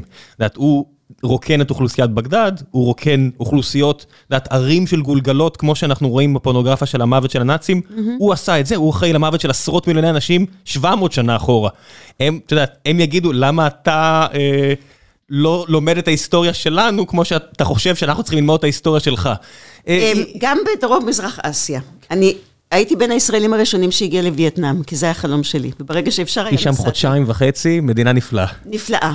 אבל הגעתי באמת עוד בשלב כזה שהבן הקטן שלי שאל את הפקידה בקבלה, Please, where is the closest McDonald's? היא אמרה לו, I don't know what that is. כן. ויש בהנוי מוזיאון, מוזיאון הוצ'ימין. הייתי, כן. יש שם קומה שלמה, בווייטנאם, של לפני 20 שנה, שעוסקת בשואה. קומה שלמה שעוסקת בשואה. כן, כן, הייתי שם גם לפני 20 שנה, הייתי שם, ואתה מסתכל על זה וזה מדהים. ואתה אומר, מה אכפת להם מהשואה? ואתה יודע, אני יודעת את התשובה. הם גם מבינים שמה שקרה עם תמונות מבוכנוולד וזה, והייתה שם קבוצה של בית ספר, ושאלתי, you know who these are, the victims? אמרו, yes, Jews, Jews.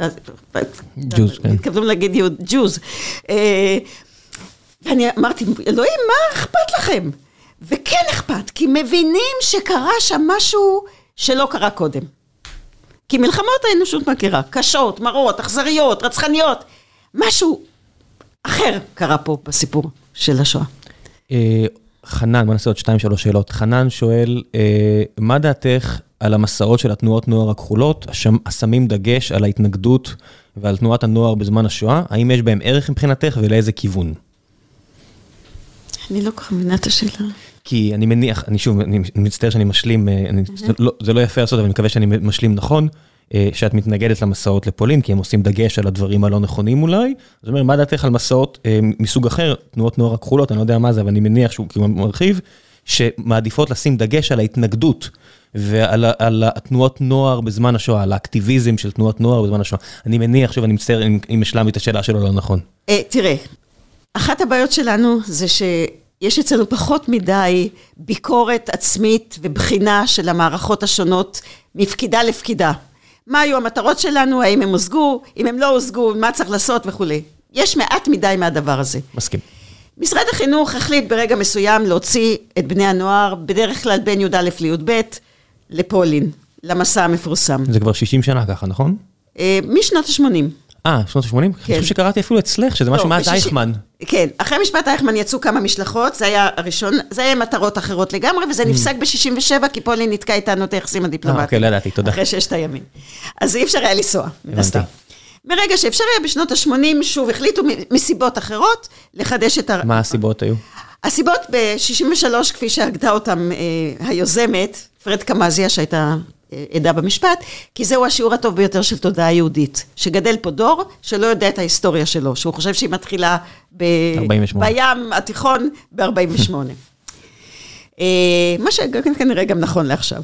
אה, ובשנות ה-80, כי זהו השיעור, האמצעי הכי טוב לאיחוד שורות העם, אחדות הגורל בימי מלחמת העולם השנייה. את כל היהודים רצו להרוג באשר הם יהודים, ולכן מזרחים, לא מזרחים, כולנו עם אחד. ו... זה היה הסיבה. זה, זה בעצם התת של הנסיעה ב- לפולין, והשואה מאחדת את כולנו, כי שם כל יהודי באשר יהודי נידון למוות.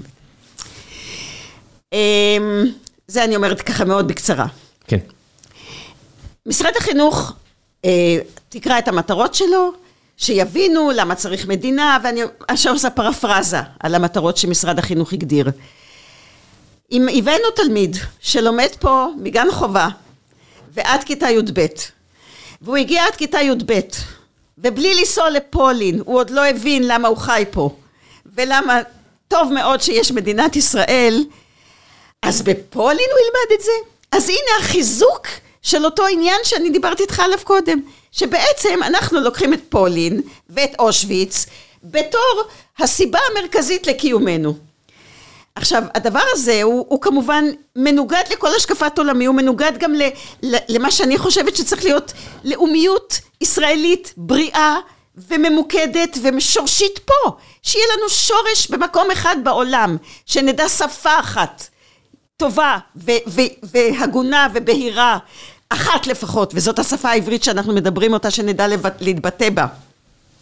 אז לתוך כל הסיפור הזה מגיע המסע לפולין, והוא באמת אה, בצורה אפילו די גסה עובד מאוד על הרגש, ומאוד מלבה את העניין שצריך לבכות, ולקרוא קטעים עצובים, ו...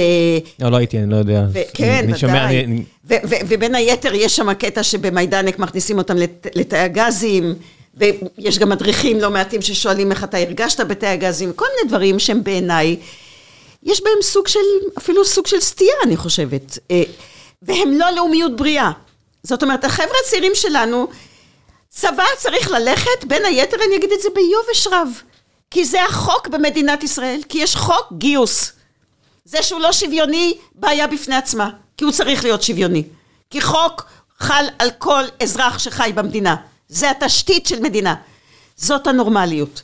עכשיו, מי שלא רוצה ללכת לצבא, יתכבד וילך מפה. כי הוא עובר על החוק. ואני אומרת את הדבר הזה, גם אמרתי את זה בזמנו לילדים שלי. כן, ערבים לא, החוק לא, לא, לא, לא חל עליהם מהבחינה הזאת. אה, אני, תראה. לא, לא, זה נראה לי לא פייר לגייס אה, אדם אה, מוסלמי ערבי לצה"ל, כשהאויבים שלו הם מוסלמים, זה, זה פשוט נראה לי לא פייר. זה בפירוש בעיה, בעיה אתית ומוסרית לגבי אותו אדם. איזשהו שירות לאומי חייב כל אדם למדינה על פי חוק בשביל עקרון השוויון בפני החוק. אבל אני לא רוצה לדבר כן. על זה עכשיו. אתם באמת חושבים שהמסע לפולין ישיג, אז הוא ישיג לשבועיים איזושהי התרגשות גדולה, וגם נוסעים לחוץ לארץ, וגם הולכים למו"לים בוורשה, לקניונים בוורשה. אבל אתם באמת חושבים שמה שלא השגתם ב-12 שנה של מערכת החינוך תשיגו בעשרה ימים בפולין? דרך היער אוקופובה, שאתה הולך לשם ועוד קבוצה אחת יוצאת, השנייה כבר באה, השוק הזה של, של אתרי המוות. זה בעיניי זילות, וזה בעיניי לא מטרה חינוכית ראויה, ובוודאי לא משיגה מטרה חינוכית ראויה. ואני באמת אומרת את זה הרבה מאוד שנים. כן, לא, את ידועה בזה, בגלל זה גם אני מניח השאלות אה, מספרות. אז בואו נעשה פה עוד אה, שאלה שתיים אה, ונסיים. אה, דורי ורס, איש יקר שאני אוהב מאוד, שואל, עם כל מה שהצבא הרוסי עושה עכשיו באוקראינה, מה אנחנו אמורים לעשות ביום הניצחון הקרוב? מה, בשמונה במאי? אני מניח. תראה, קודם כל אני, אני מודה שאני, אה, קשה לי לענות על זה, כי אני לא ממש מבינה מה שקורה שם באוקראינה. אני מודה, אני לא ברשתות חברתיות, כי אני מרגישה ששומר נפשו ירחק, אבל אני מסתכלת, ואני לא ממש רואה תמונות של מלחמה. אני רואה עשן מתאבך, אני רואה בניינים הרוסים, אבל אתה, אני לא רואה מלחמה. ויכול להיות שזו בעיה שלי, עכשיו, אני לא באמת יודעת, כולם עושים שם פייק ניוז, אני לא יודעת בדיוק גם מה, מה המצב, מה כן, תמונת המצב. המוד, המודיעין האמריקאי מספר על 15 אלף לוחמים רוסים מתים, זה פי מה, שמונה מיום כיפור? פי שבע? אתה מאמין? אני לא כן, יודעת. אני מאמין לאמריקאים. וכמה אוקראינים? עשרות אלפים. עשרות אלפים הרוגים. ככה אומרים המודיעין. אוקיי. מאמין זה... להם מאוד. אני, מישהו, אני רק יכולה להגיד שמישהו אמר לי משפט שהוא טלטל אותי. הוא אמר, תראי, אם התמונות שהיינו מקבלים מאוקראינה היו בשחור לבן, אז הייתי חושב שאני בספטמבר 39. ואני, באמת, בקטע הזה, באמת, פתאום הראש שלי אה, אה, טולטל.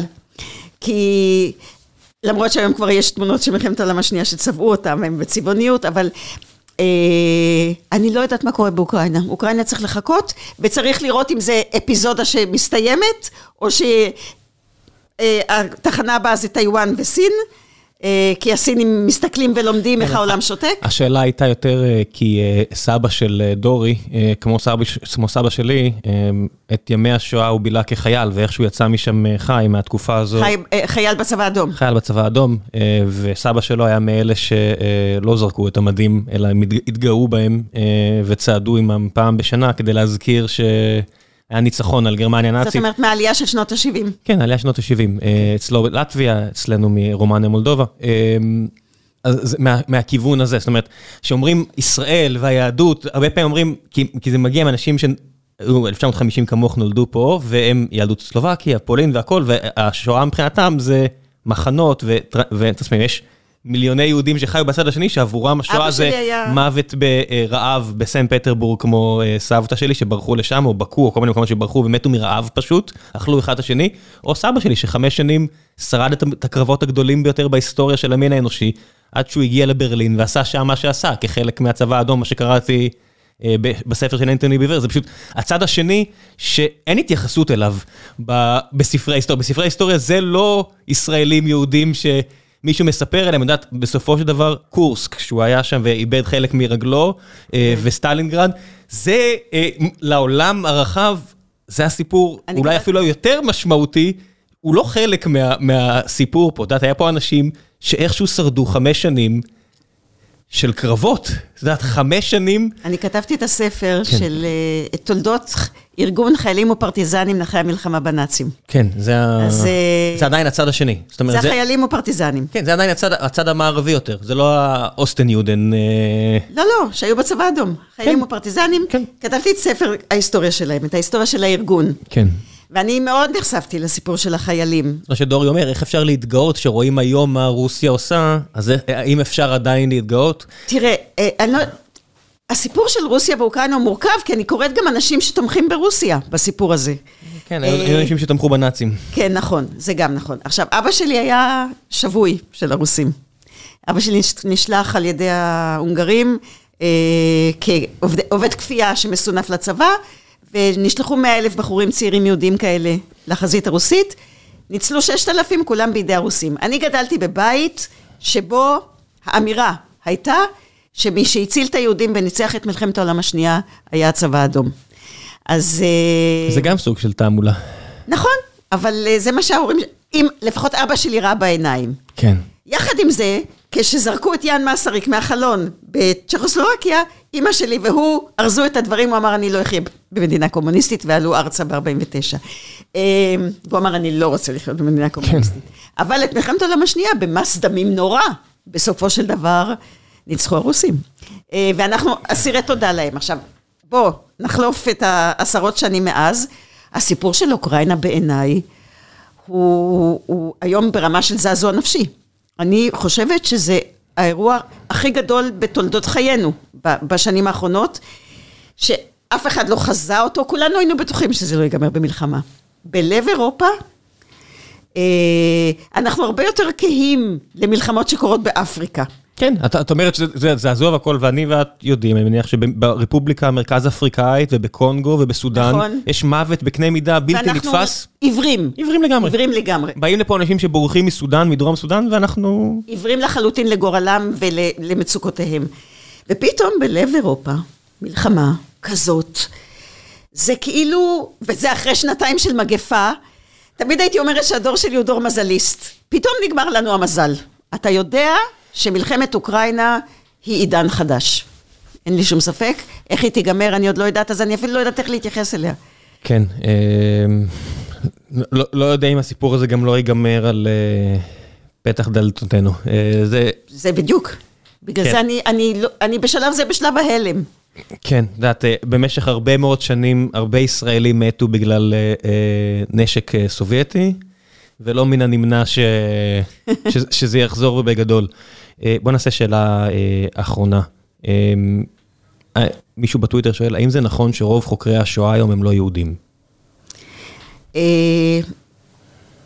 אני לא יודעת, לא ספרתי, אבל... ממה שאת מרגישה, כי את כל כך בתחום. כן, אני יכולה לומר שמחקר השואה הגדול, החשוב, לא מתנהל היום בישראל. הוא מתנהל בעיקר בארצות הברית ובגרמניה. יש לזה סיבה אחת, שתי סיבות. האחת אה, פרוזאית זה בכלל המצב של מדעי הרוח בישראל. אין כסף מלמדעי הרוח בארץ? אין כסף. לא משקיעים? וגם אין... לא, לא אכפת. זה שאת אמרת לא שיש דוקטורט ש... אה, על יהדות בלרוס, זה בגלל שכל כך נדיר כנראה ש... נכון. כן. הדבר השני זה שהדור הצעיר שגדל באוניברסיטאות היום, כשאני למדתי באוניברסיטה, ואני למדתי מיליון דברים עד שהגעתי להיסטוריה, זאת אומרת, אני מאוד... את גם פסיכולוגית בין השאר. נכון. אמ, אבל, אה, אז היינו חייבים ללמוד שפה זרה. חייבים. ברמה של קריאה ודיבור. אני למדתי גרמנית, אה. ובאתי מהבית עם הונגרית. אז כמה שפות את יודעת היום? אני יודעת הונגרית, אה, גרמנית, אה, עברית, אנגלית, עשיתי בגרות בצרפתית. את עדיין זוכרת? לא רע. איזה כיף. אז את יודעת מה ש... לרטרה דה מוסקו, אני זוכרת את כל הסיפור הזה בעל פה של ז'אן ז'אק רוסו. אז את יודעת להסתדר בחמש שפות? בארבע, חמש שפות? בצרפתית אי אפשר למכור אותי, בארבע האחרות אני ממש יכולה להסתדר. איזה כיף. אה, אבל הדור של הצעירים לא יודע בכלל אף שפה, וגם לא מכריחים אותו לקרוא שפה. אז מי שלא יודע לקרוא אף שפה אירופית, לא יכול להיות חוקר שואה. פשוט ככה. ובארצות הברית, התחומים האלה מקבלים כנראה משאבים, ולא רק זה, אלא שיש שם אה, ידיעת שפות, אנשים לומדים שפות. מפאת השפות, מפאת היחס אל מדעי הרוח, מחקר השואה בישראל הוא היום בשפל המדרגה. בעצם אני חושבת שכמעט אין לנו חוקרים צעירים שמתעסקים בשואה פרופר. החברה הישראלית והשואה, וזיכרון השואה, וזה כל מה שבעברית יש מחקר, אבל זה פחות חשוב. זה חשוב מאוד, אבל כן. זה... מחקר שואה פרופר, יש כל כך הרבה שאנחנו לא יודעים. אז בואי נעבור לשלב האחרון, זה שלב ההמלצות, ובשלב ההמלצות, כיוון שאין לי רגולציה ואת יכולה להמליץ על כל מה שאת רוצה, אה, כולל דברים אה, שאת עשית, או חברים עשו, או לא יודע מה שאת רוצה להמליץ, אז איפה, אם אדם רוצה אה, להשכיל, יכול למצוא בכל זאת היום חומרים מעניינים שיפתחו את ראשו. טוב, אז קודם כל יש לנו... כל מה שבא לך להמליץ, גם לא רק על הנושא. מה זה? כל מה שבא לך להמליץ עליו, הכל. אז קודם כל, אני... אני כותב. יש לי ספר אחד, שהוא הפך להיות סוג של התנ"ך שלי. גן חיות הטרף. חייבים לארסון. Uh, השגריר האמריקאי האחרון שנסע ל... היה בגרמניה, חווה את עלייתו של היטלר, ומספר חיי יום-יום בגרמניה בשנות ה-30. מטלטל, מטלטל, מטלטל. אני עושה לעצמי עניין כמעט לסגור את הספר בעל פה, והוא ספר עב כרס. גן חיות הטרף, חובה לקרוא. איזה המלצה. כתוב נפלא. הוא כתב בעצמו? הוא כתב, אה, לא, השגריר כתב יומן, והכותב, לארסון, שהוא היסטוריון, מאמת אותו עם אירועי הימים. ומה השגריר מבין שהוא רואה? זה אגב הספר החדש הזה של שלוש שנים בלי שם, הקשר שלו עם המציאות זה מה הוא רואה, בתור רגע, שגריר. מי שלא קרא, לא יודע, שלוש שנים בלי שם, אה, פרויקט אה, מאוד נפלא שעכשיו דאגת להוציא לאור, כן. של אה, קרובת ש... משפחתך, ששורדת השואה הראשונה שמגיעה לאושוויץ כסלובקית. בטרנספורט הראשון כן, של מגיע. מהראשונות שמגיעות כן. לאושוויץ, ושורדת למעשה את הסוף. כל המלחמה, כן. עד שהיא מתאבדת בשנות ה-70, נכון. והספר שהוצאת זה בעצם ספר שאימא שלך שמרה כל השנים. נכון. אז בואי תספרי קצת מעבר. רק אני רוצה לגמור את הלארסון. והשגריר רואה, ומה הוא מפרש? ומה הוא חושב על היטלר? ומה הוא חושב על, על רצח רם, למשל, אה, ליל הסכינים הגורקות? כתוב נפלא. ובמה הוא מתעסק, ובמה מתעסקים ילדיו, הוא בא עם בתו ובנו. הכל סיפור אמיתי. מה הוא חושב על היטלר? הוא בהתחלה אפילו לא כל כך מבין שהיטלר זה דבר רע. זאת אומרת, הסיפור, איך, ואיך הגרמנים נהנים, ואיך ברלין מקסימה בשנת 34 ו-5 ויש שם prosperity. ואני כל כך עושה עוול לספר בתיאור הזה, מעשה אומן, masterpiece של תובנות. זה ספר חדש? לא, יצא כבר לפני כמה שנים. masterpiece של תובנות. כל מי שהמלצתי לו, בהתחלה היו עושים לי פרצופים, אחר כך אמרו לו, תשמעי, תשמעי, זה ספר שכל דף שגומרים לקרוא, חבל. איזו המלצה, נו, בוא נראה, מתוך ה-20 אלף אנשים שמאזינים לך כעת, בוא נראה כמה ילכו ויקנו את הספר, תלכו. נפלא, גן חיות הטרף. מה עוד? הספר שלוש שנים בלי שם הוא בעצם אה, קרוניקה שכותבת אה, מישהי שהגיעה בטרנספורט הראשון, שהיא בעצם היהודייה מספר 54 שנכנסת לאושוויץ. אה, מספר 1054. היא אלף, כי את המספר 1 עד 1000 קיבלו הסוהרות הגרמניות שלהם. אה, אבל היא בעצם יהודייה, מספר 54 שמגיעה לאושוויץ, שורדת, בין המעטות ששורדות מהטרנספורט הזה. עוברת את מצעדי המוות בתור קינוח, וכותבת. בעוד את החודש בסוף המלחמה, שאנשים לא יודעים כמה יהודים מתו מ-45 עד ל... נכון. היא איכשהו מצליחה אפילו לחזור הביתה. היא חוזרת הביתה. חודש היא, מסע. היא כשנה בבית חולים על ערש דווי, ושורדת וכותבת. את ה... מההגעה לאושוויץ, זאת אומרת, שמה מתחיל הספר. היא עוד מספרת על האביב, שהם יצאו באביב, כל כך יפה האביב באירופה, אה, ובאבחה. כאילו, בחצי שנייה ירדת מהרכבת, ואתה מבין ש... טח, טח, טח, עולם אחר. זה לתאר את האבחה הזאת של... אין אפילו שנייה להגיד, רגע, תנו אוויר. ואז היא מספרת חיי יומיום. כשהיא מגיעה עוד אין סלקציה, עוד אין קעקוע, אה, עוד אין כאלה מכות על הרמפה, אבל כן יש מהר, מהר, מהר, וגילוח וזה, אבל עוד אין והיא לא יודעת מה זה, אמרו לה שהיא באה למחנה עבודה לשלושה חודשים. והדבר היחיד ש... שהיא יודעת, היא לא יודעת, אני, אני צוחקת, מישהו אמר לי איזה ביטוי זה, ואני כן רוצה להגיד, היא לא יודעת שהיא בשואה. היא יודעת שלקחו אותה עכשיו מסלובקיה לשם, היא לא יודעת... המילה genocide עדיין לא קיימת. לא, גם המילה genocide, וגם היא לא יודעת שיש פתרון סופי, שיש החלטה כזאת. והיא מעולם לא יצאה מארצה, כי אתה יודע מה זה היו בנות ישראל לפני מאה שנה. שמרו אותם כמו את רוב המוחלט של העולם לא יצא מכפרו. נכון, נכון. ובנות ישראל שמרו עליהם. וכולם בחורות צעירות רווקות, 15 15 עד 30 שלוש- רשמת. 30, כן. כן. והדבר היחיד שיש לה להאחז, זה המציאות שהיא חיה בה. מה שהיא רואה בעיניים. הן לא שומעות, אין חדשות, אין CNN, אין כלום. מה שהיא רואה בעיניים, זה מה שיש לה. כנקודת אחיזה במציאות. מה היא רואה? פעם ראשונה מסופרת ההיסטוריה של אושוויץ לא ממסמכים גרמניים, או משברירים של אנשים שהגיעו ב-43 והיו שם חצי שנה. הונגריה 44. אלא, לא- או הונגריה 44, אלא לאורך כל הזמן, מה היא רואה ומה היא מפרשת שהיא רואה. אז למשל, תמיד השאלה הראשונה שעולה, מתי הבנות האלה מבינות שהמהות של המקום הזה הוא רצח? איפה ומתי הן מבינות את זה? אה, שזאת שאלה נהדרת. כי מה שהן רואות זה עבודה קשה, זה כנראה אנשים שלא אוהבים יהודים. והיות ואדם עסוק, תמיד אני אומרת, עסוק רוב ימיו בהדחקה של סופיותו. נכון? אחרת הוא לא היה קם מהמיטה, אם הוא לא היה מדחיק את העובדה הזאת שהכל בין כה וכה הבל הבלים. אה, למה יש, את יודעת, אני קראתי את זה שאת שאת אמרת את זה, ואני מצטער לפתוח את הסוגריים, ואני אומר, כמי שמקבל לגמרי את סופיות, אני אומר, אבל יש דור הבא, ויש רעיונות, ויש כל כך הרבה דברים, גם אם אתה מכיר בסוף שלך. כן, אתה, אנחנו יודעים, אבל אני, אני לא באמת מפנימה מה זה סופיותי. זה לא מפנימה, שאני לא אראה את המשך העלילה. זה מאוד קשה לי. זו סדרה מאוד מעניינת, הסדרה שבה אנחנו מצויים. אנחנו לא נראה את הסוף, לא, לא נראה את הכתוביות, ויש לה הרבה עונות. יש אין סוף עונות. אמ, אז הסיפור הזה של מה היא רואה, מה היא מפרשת, איך היא מדברת עם החברות שלה על הפרשנות, ואיך הן מקיימות חיי יומיום. גם חיי יומיום יש שם באושוויץ. זה כל כך חזק, וזה כל כך מטלטל, וזה כל כך פתאום היבט אחר, כי הרי בסוף במשוואה הזאת יש המחוללים, ויש העומדים מהצד, אבל יש גם העיניים של הקורבנות. והן אותי הכי מעניינות. כי, כי אני לא הייתי שם.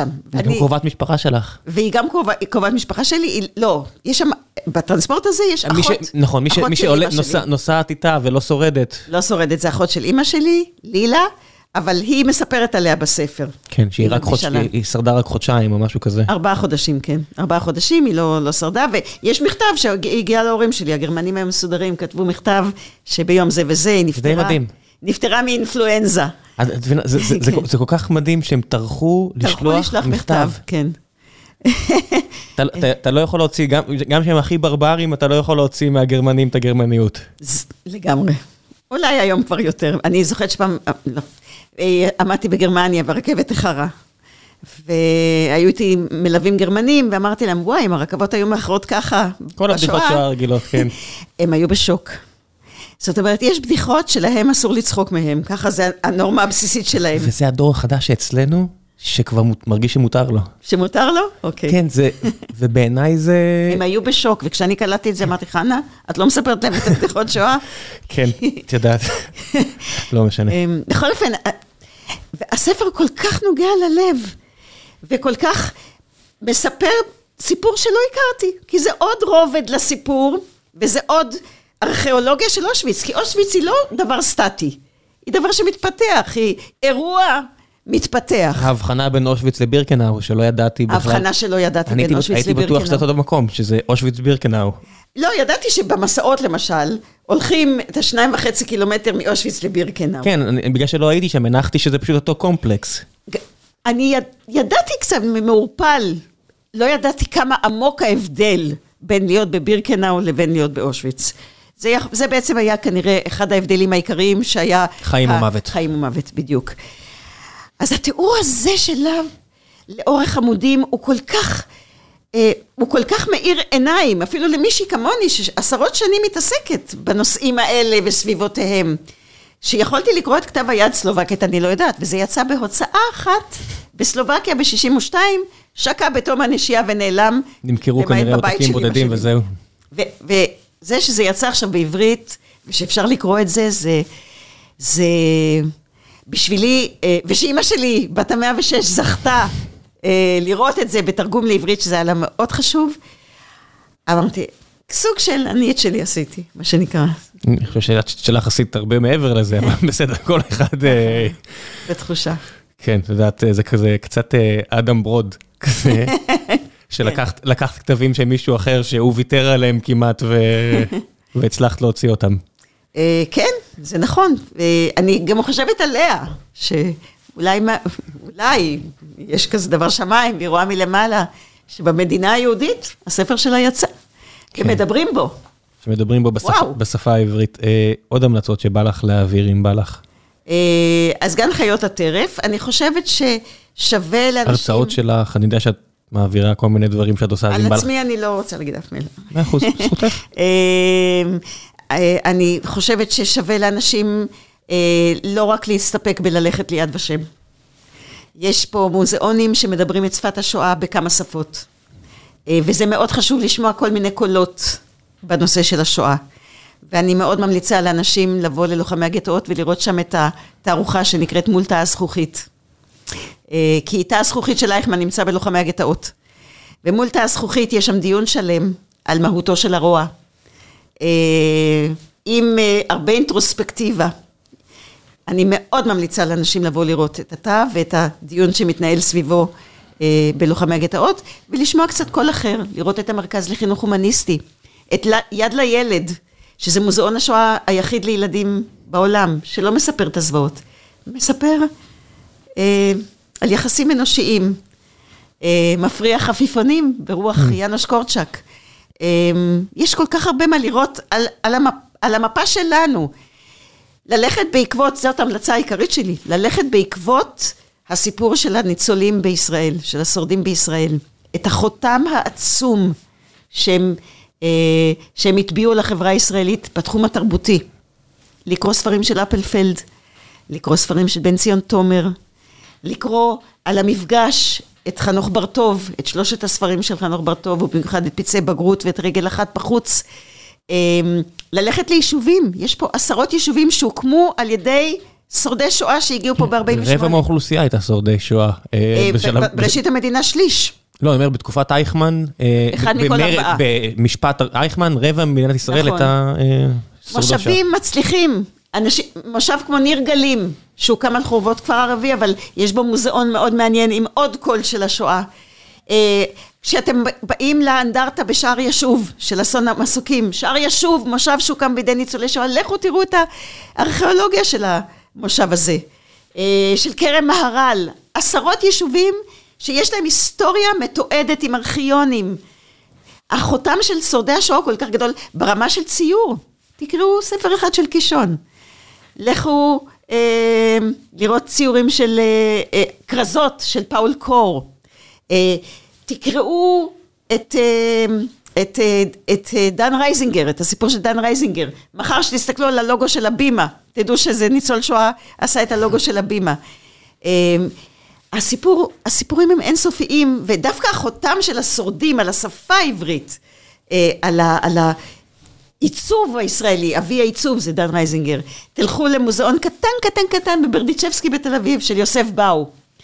אה, בכל מקום שפונים פה בארץ, יש סיפור שואה כל כך גדול, אבל מהצד של הבחירה בחיים. וזה בעיניי, זאת ההמלצה הכי גדולה שלי. הבחירה הזאת של השורדים בחיים, היא מסר כל כך מהדהד. לא להתפלש בייאוש, לא להתפלש בשנאה, לבנות, לקחת את האנרגיה של האסון לבנייה.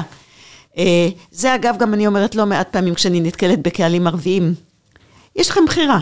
אתם יכולים להתפלש באסון ובשנאה ולהיכנס למעגל הקסמים הזה ולא לצאת ממנו. יש לכם גם בחירה אחרת. והבחירה האחרת דומה לזו של הניצולים. לבחור בחיים, לא נקמה, לבנות. האדם תמיד יש לו בחירה. כן, אני חושב שחלק מזה זה גם אה, ההכרה. זאת אומרת, זה נורא אה, יותר קל לבחור בחיים ולבנות כשמכירים במה שקרה לך. אמפתיה מאוד חשובה, אה, בעניין הזה של 48 עצמאות לעומת אה, אסון, לעומת נכבה. גם להכיר בזה שהעצמאות שלנו היה משהו אה, שפחות כיף לצד השני. אה, ברגע שנכיר בזה, לפחות לעניות דעתי, יהיה גם קל יותר לציבור אה, הערבי-ישראלי או ערבי 48, כמו שהם אה, נקראים, גם להמשיך הלאה, אני פשוט לא יודע איך פרקטית אפשר... כל העניין של הפליטים, שזה כבר מיליוני אנשים שתחת ההגדרה הזו, על שטח אדמה כל כך קטן, יש פה בעיות פרקטיות שאני לא מתיימר לדעת לפתור אותן, אבל אני יודע שבלי הכרה יהיה מאוד קשה. אני, תראה, השיחה שלי היא בעיקר עם ערביי ישראל. אני מדבר על ערביי ישראל, אני אומר, בסופו של דבר, הם אומרים, יש פה צד שני, זאת אומרת, יש פה עניין של פליטים. אני בפירוש חושבת שבחלוף 80 שנה, ערביי ישראל, בגדול, יש להם תשוקה. אני גם שמעתי את זה מסמי סמוכה, שבעיניי הוא המומחה הכי גדול. יש להם תשוקה עצומה להשתייך. הרבה מהם עושים את זה, את יודעת, זה... אני רוצה לפתוח להם את הידיים, אבל אני דיברתי עכשיו על משהו אחר לגמרי, דיברתי על איך, איך, איך חברה שעברה אסון כל כך כבד כמו השואה, או גם הנכבה, אה, אה, מאבדת בעין את האסון הזה. לאן היא מובילה אותו? זאת תמיד השאלה. ואתה כן. יכול להוביל אותו לחורבן ולשנאה, ואתה יכול להוביל אותו לבנייה ולזיכרון, אתה תמיד תזכור, אבל אה, אתה בונה חיים. כן. טוב, פרופסור, תודה רבה רבה רבה על הזמן שהקדשת לי ולנו. תודה אה, לך. ושיהיה המון בהצלחה במשימה החשובה שלך. תודה. ביי ביי.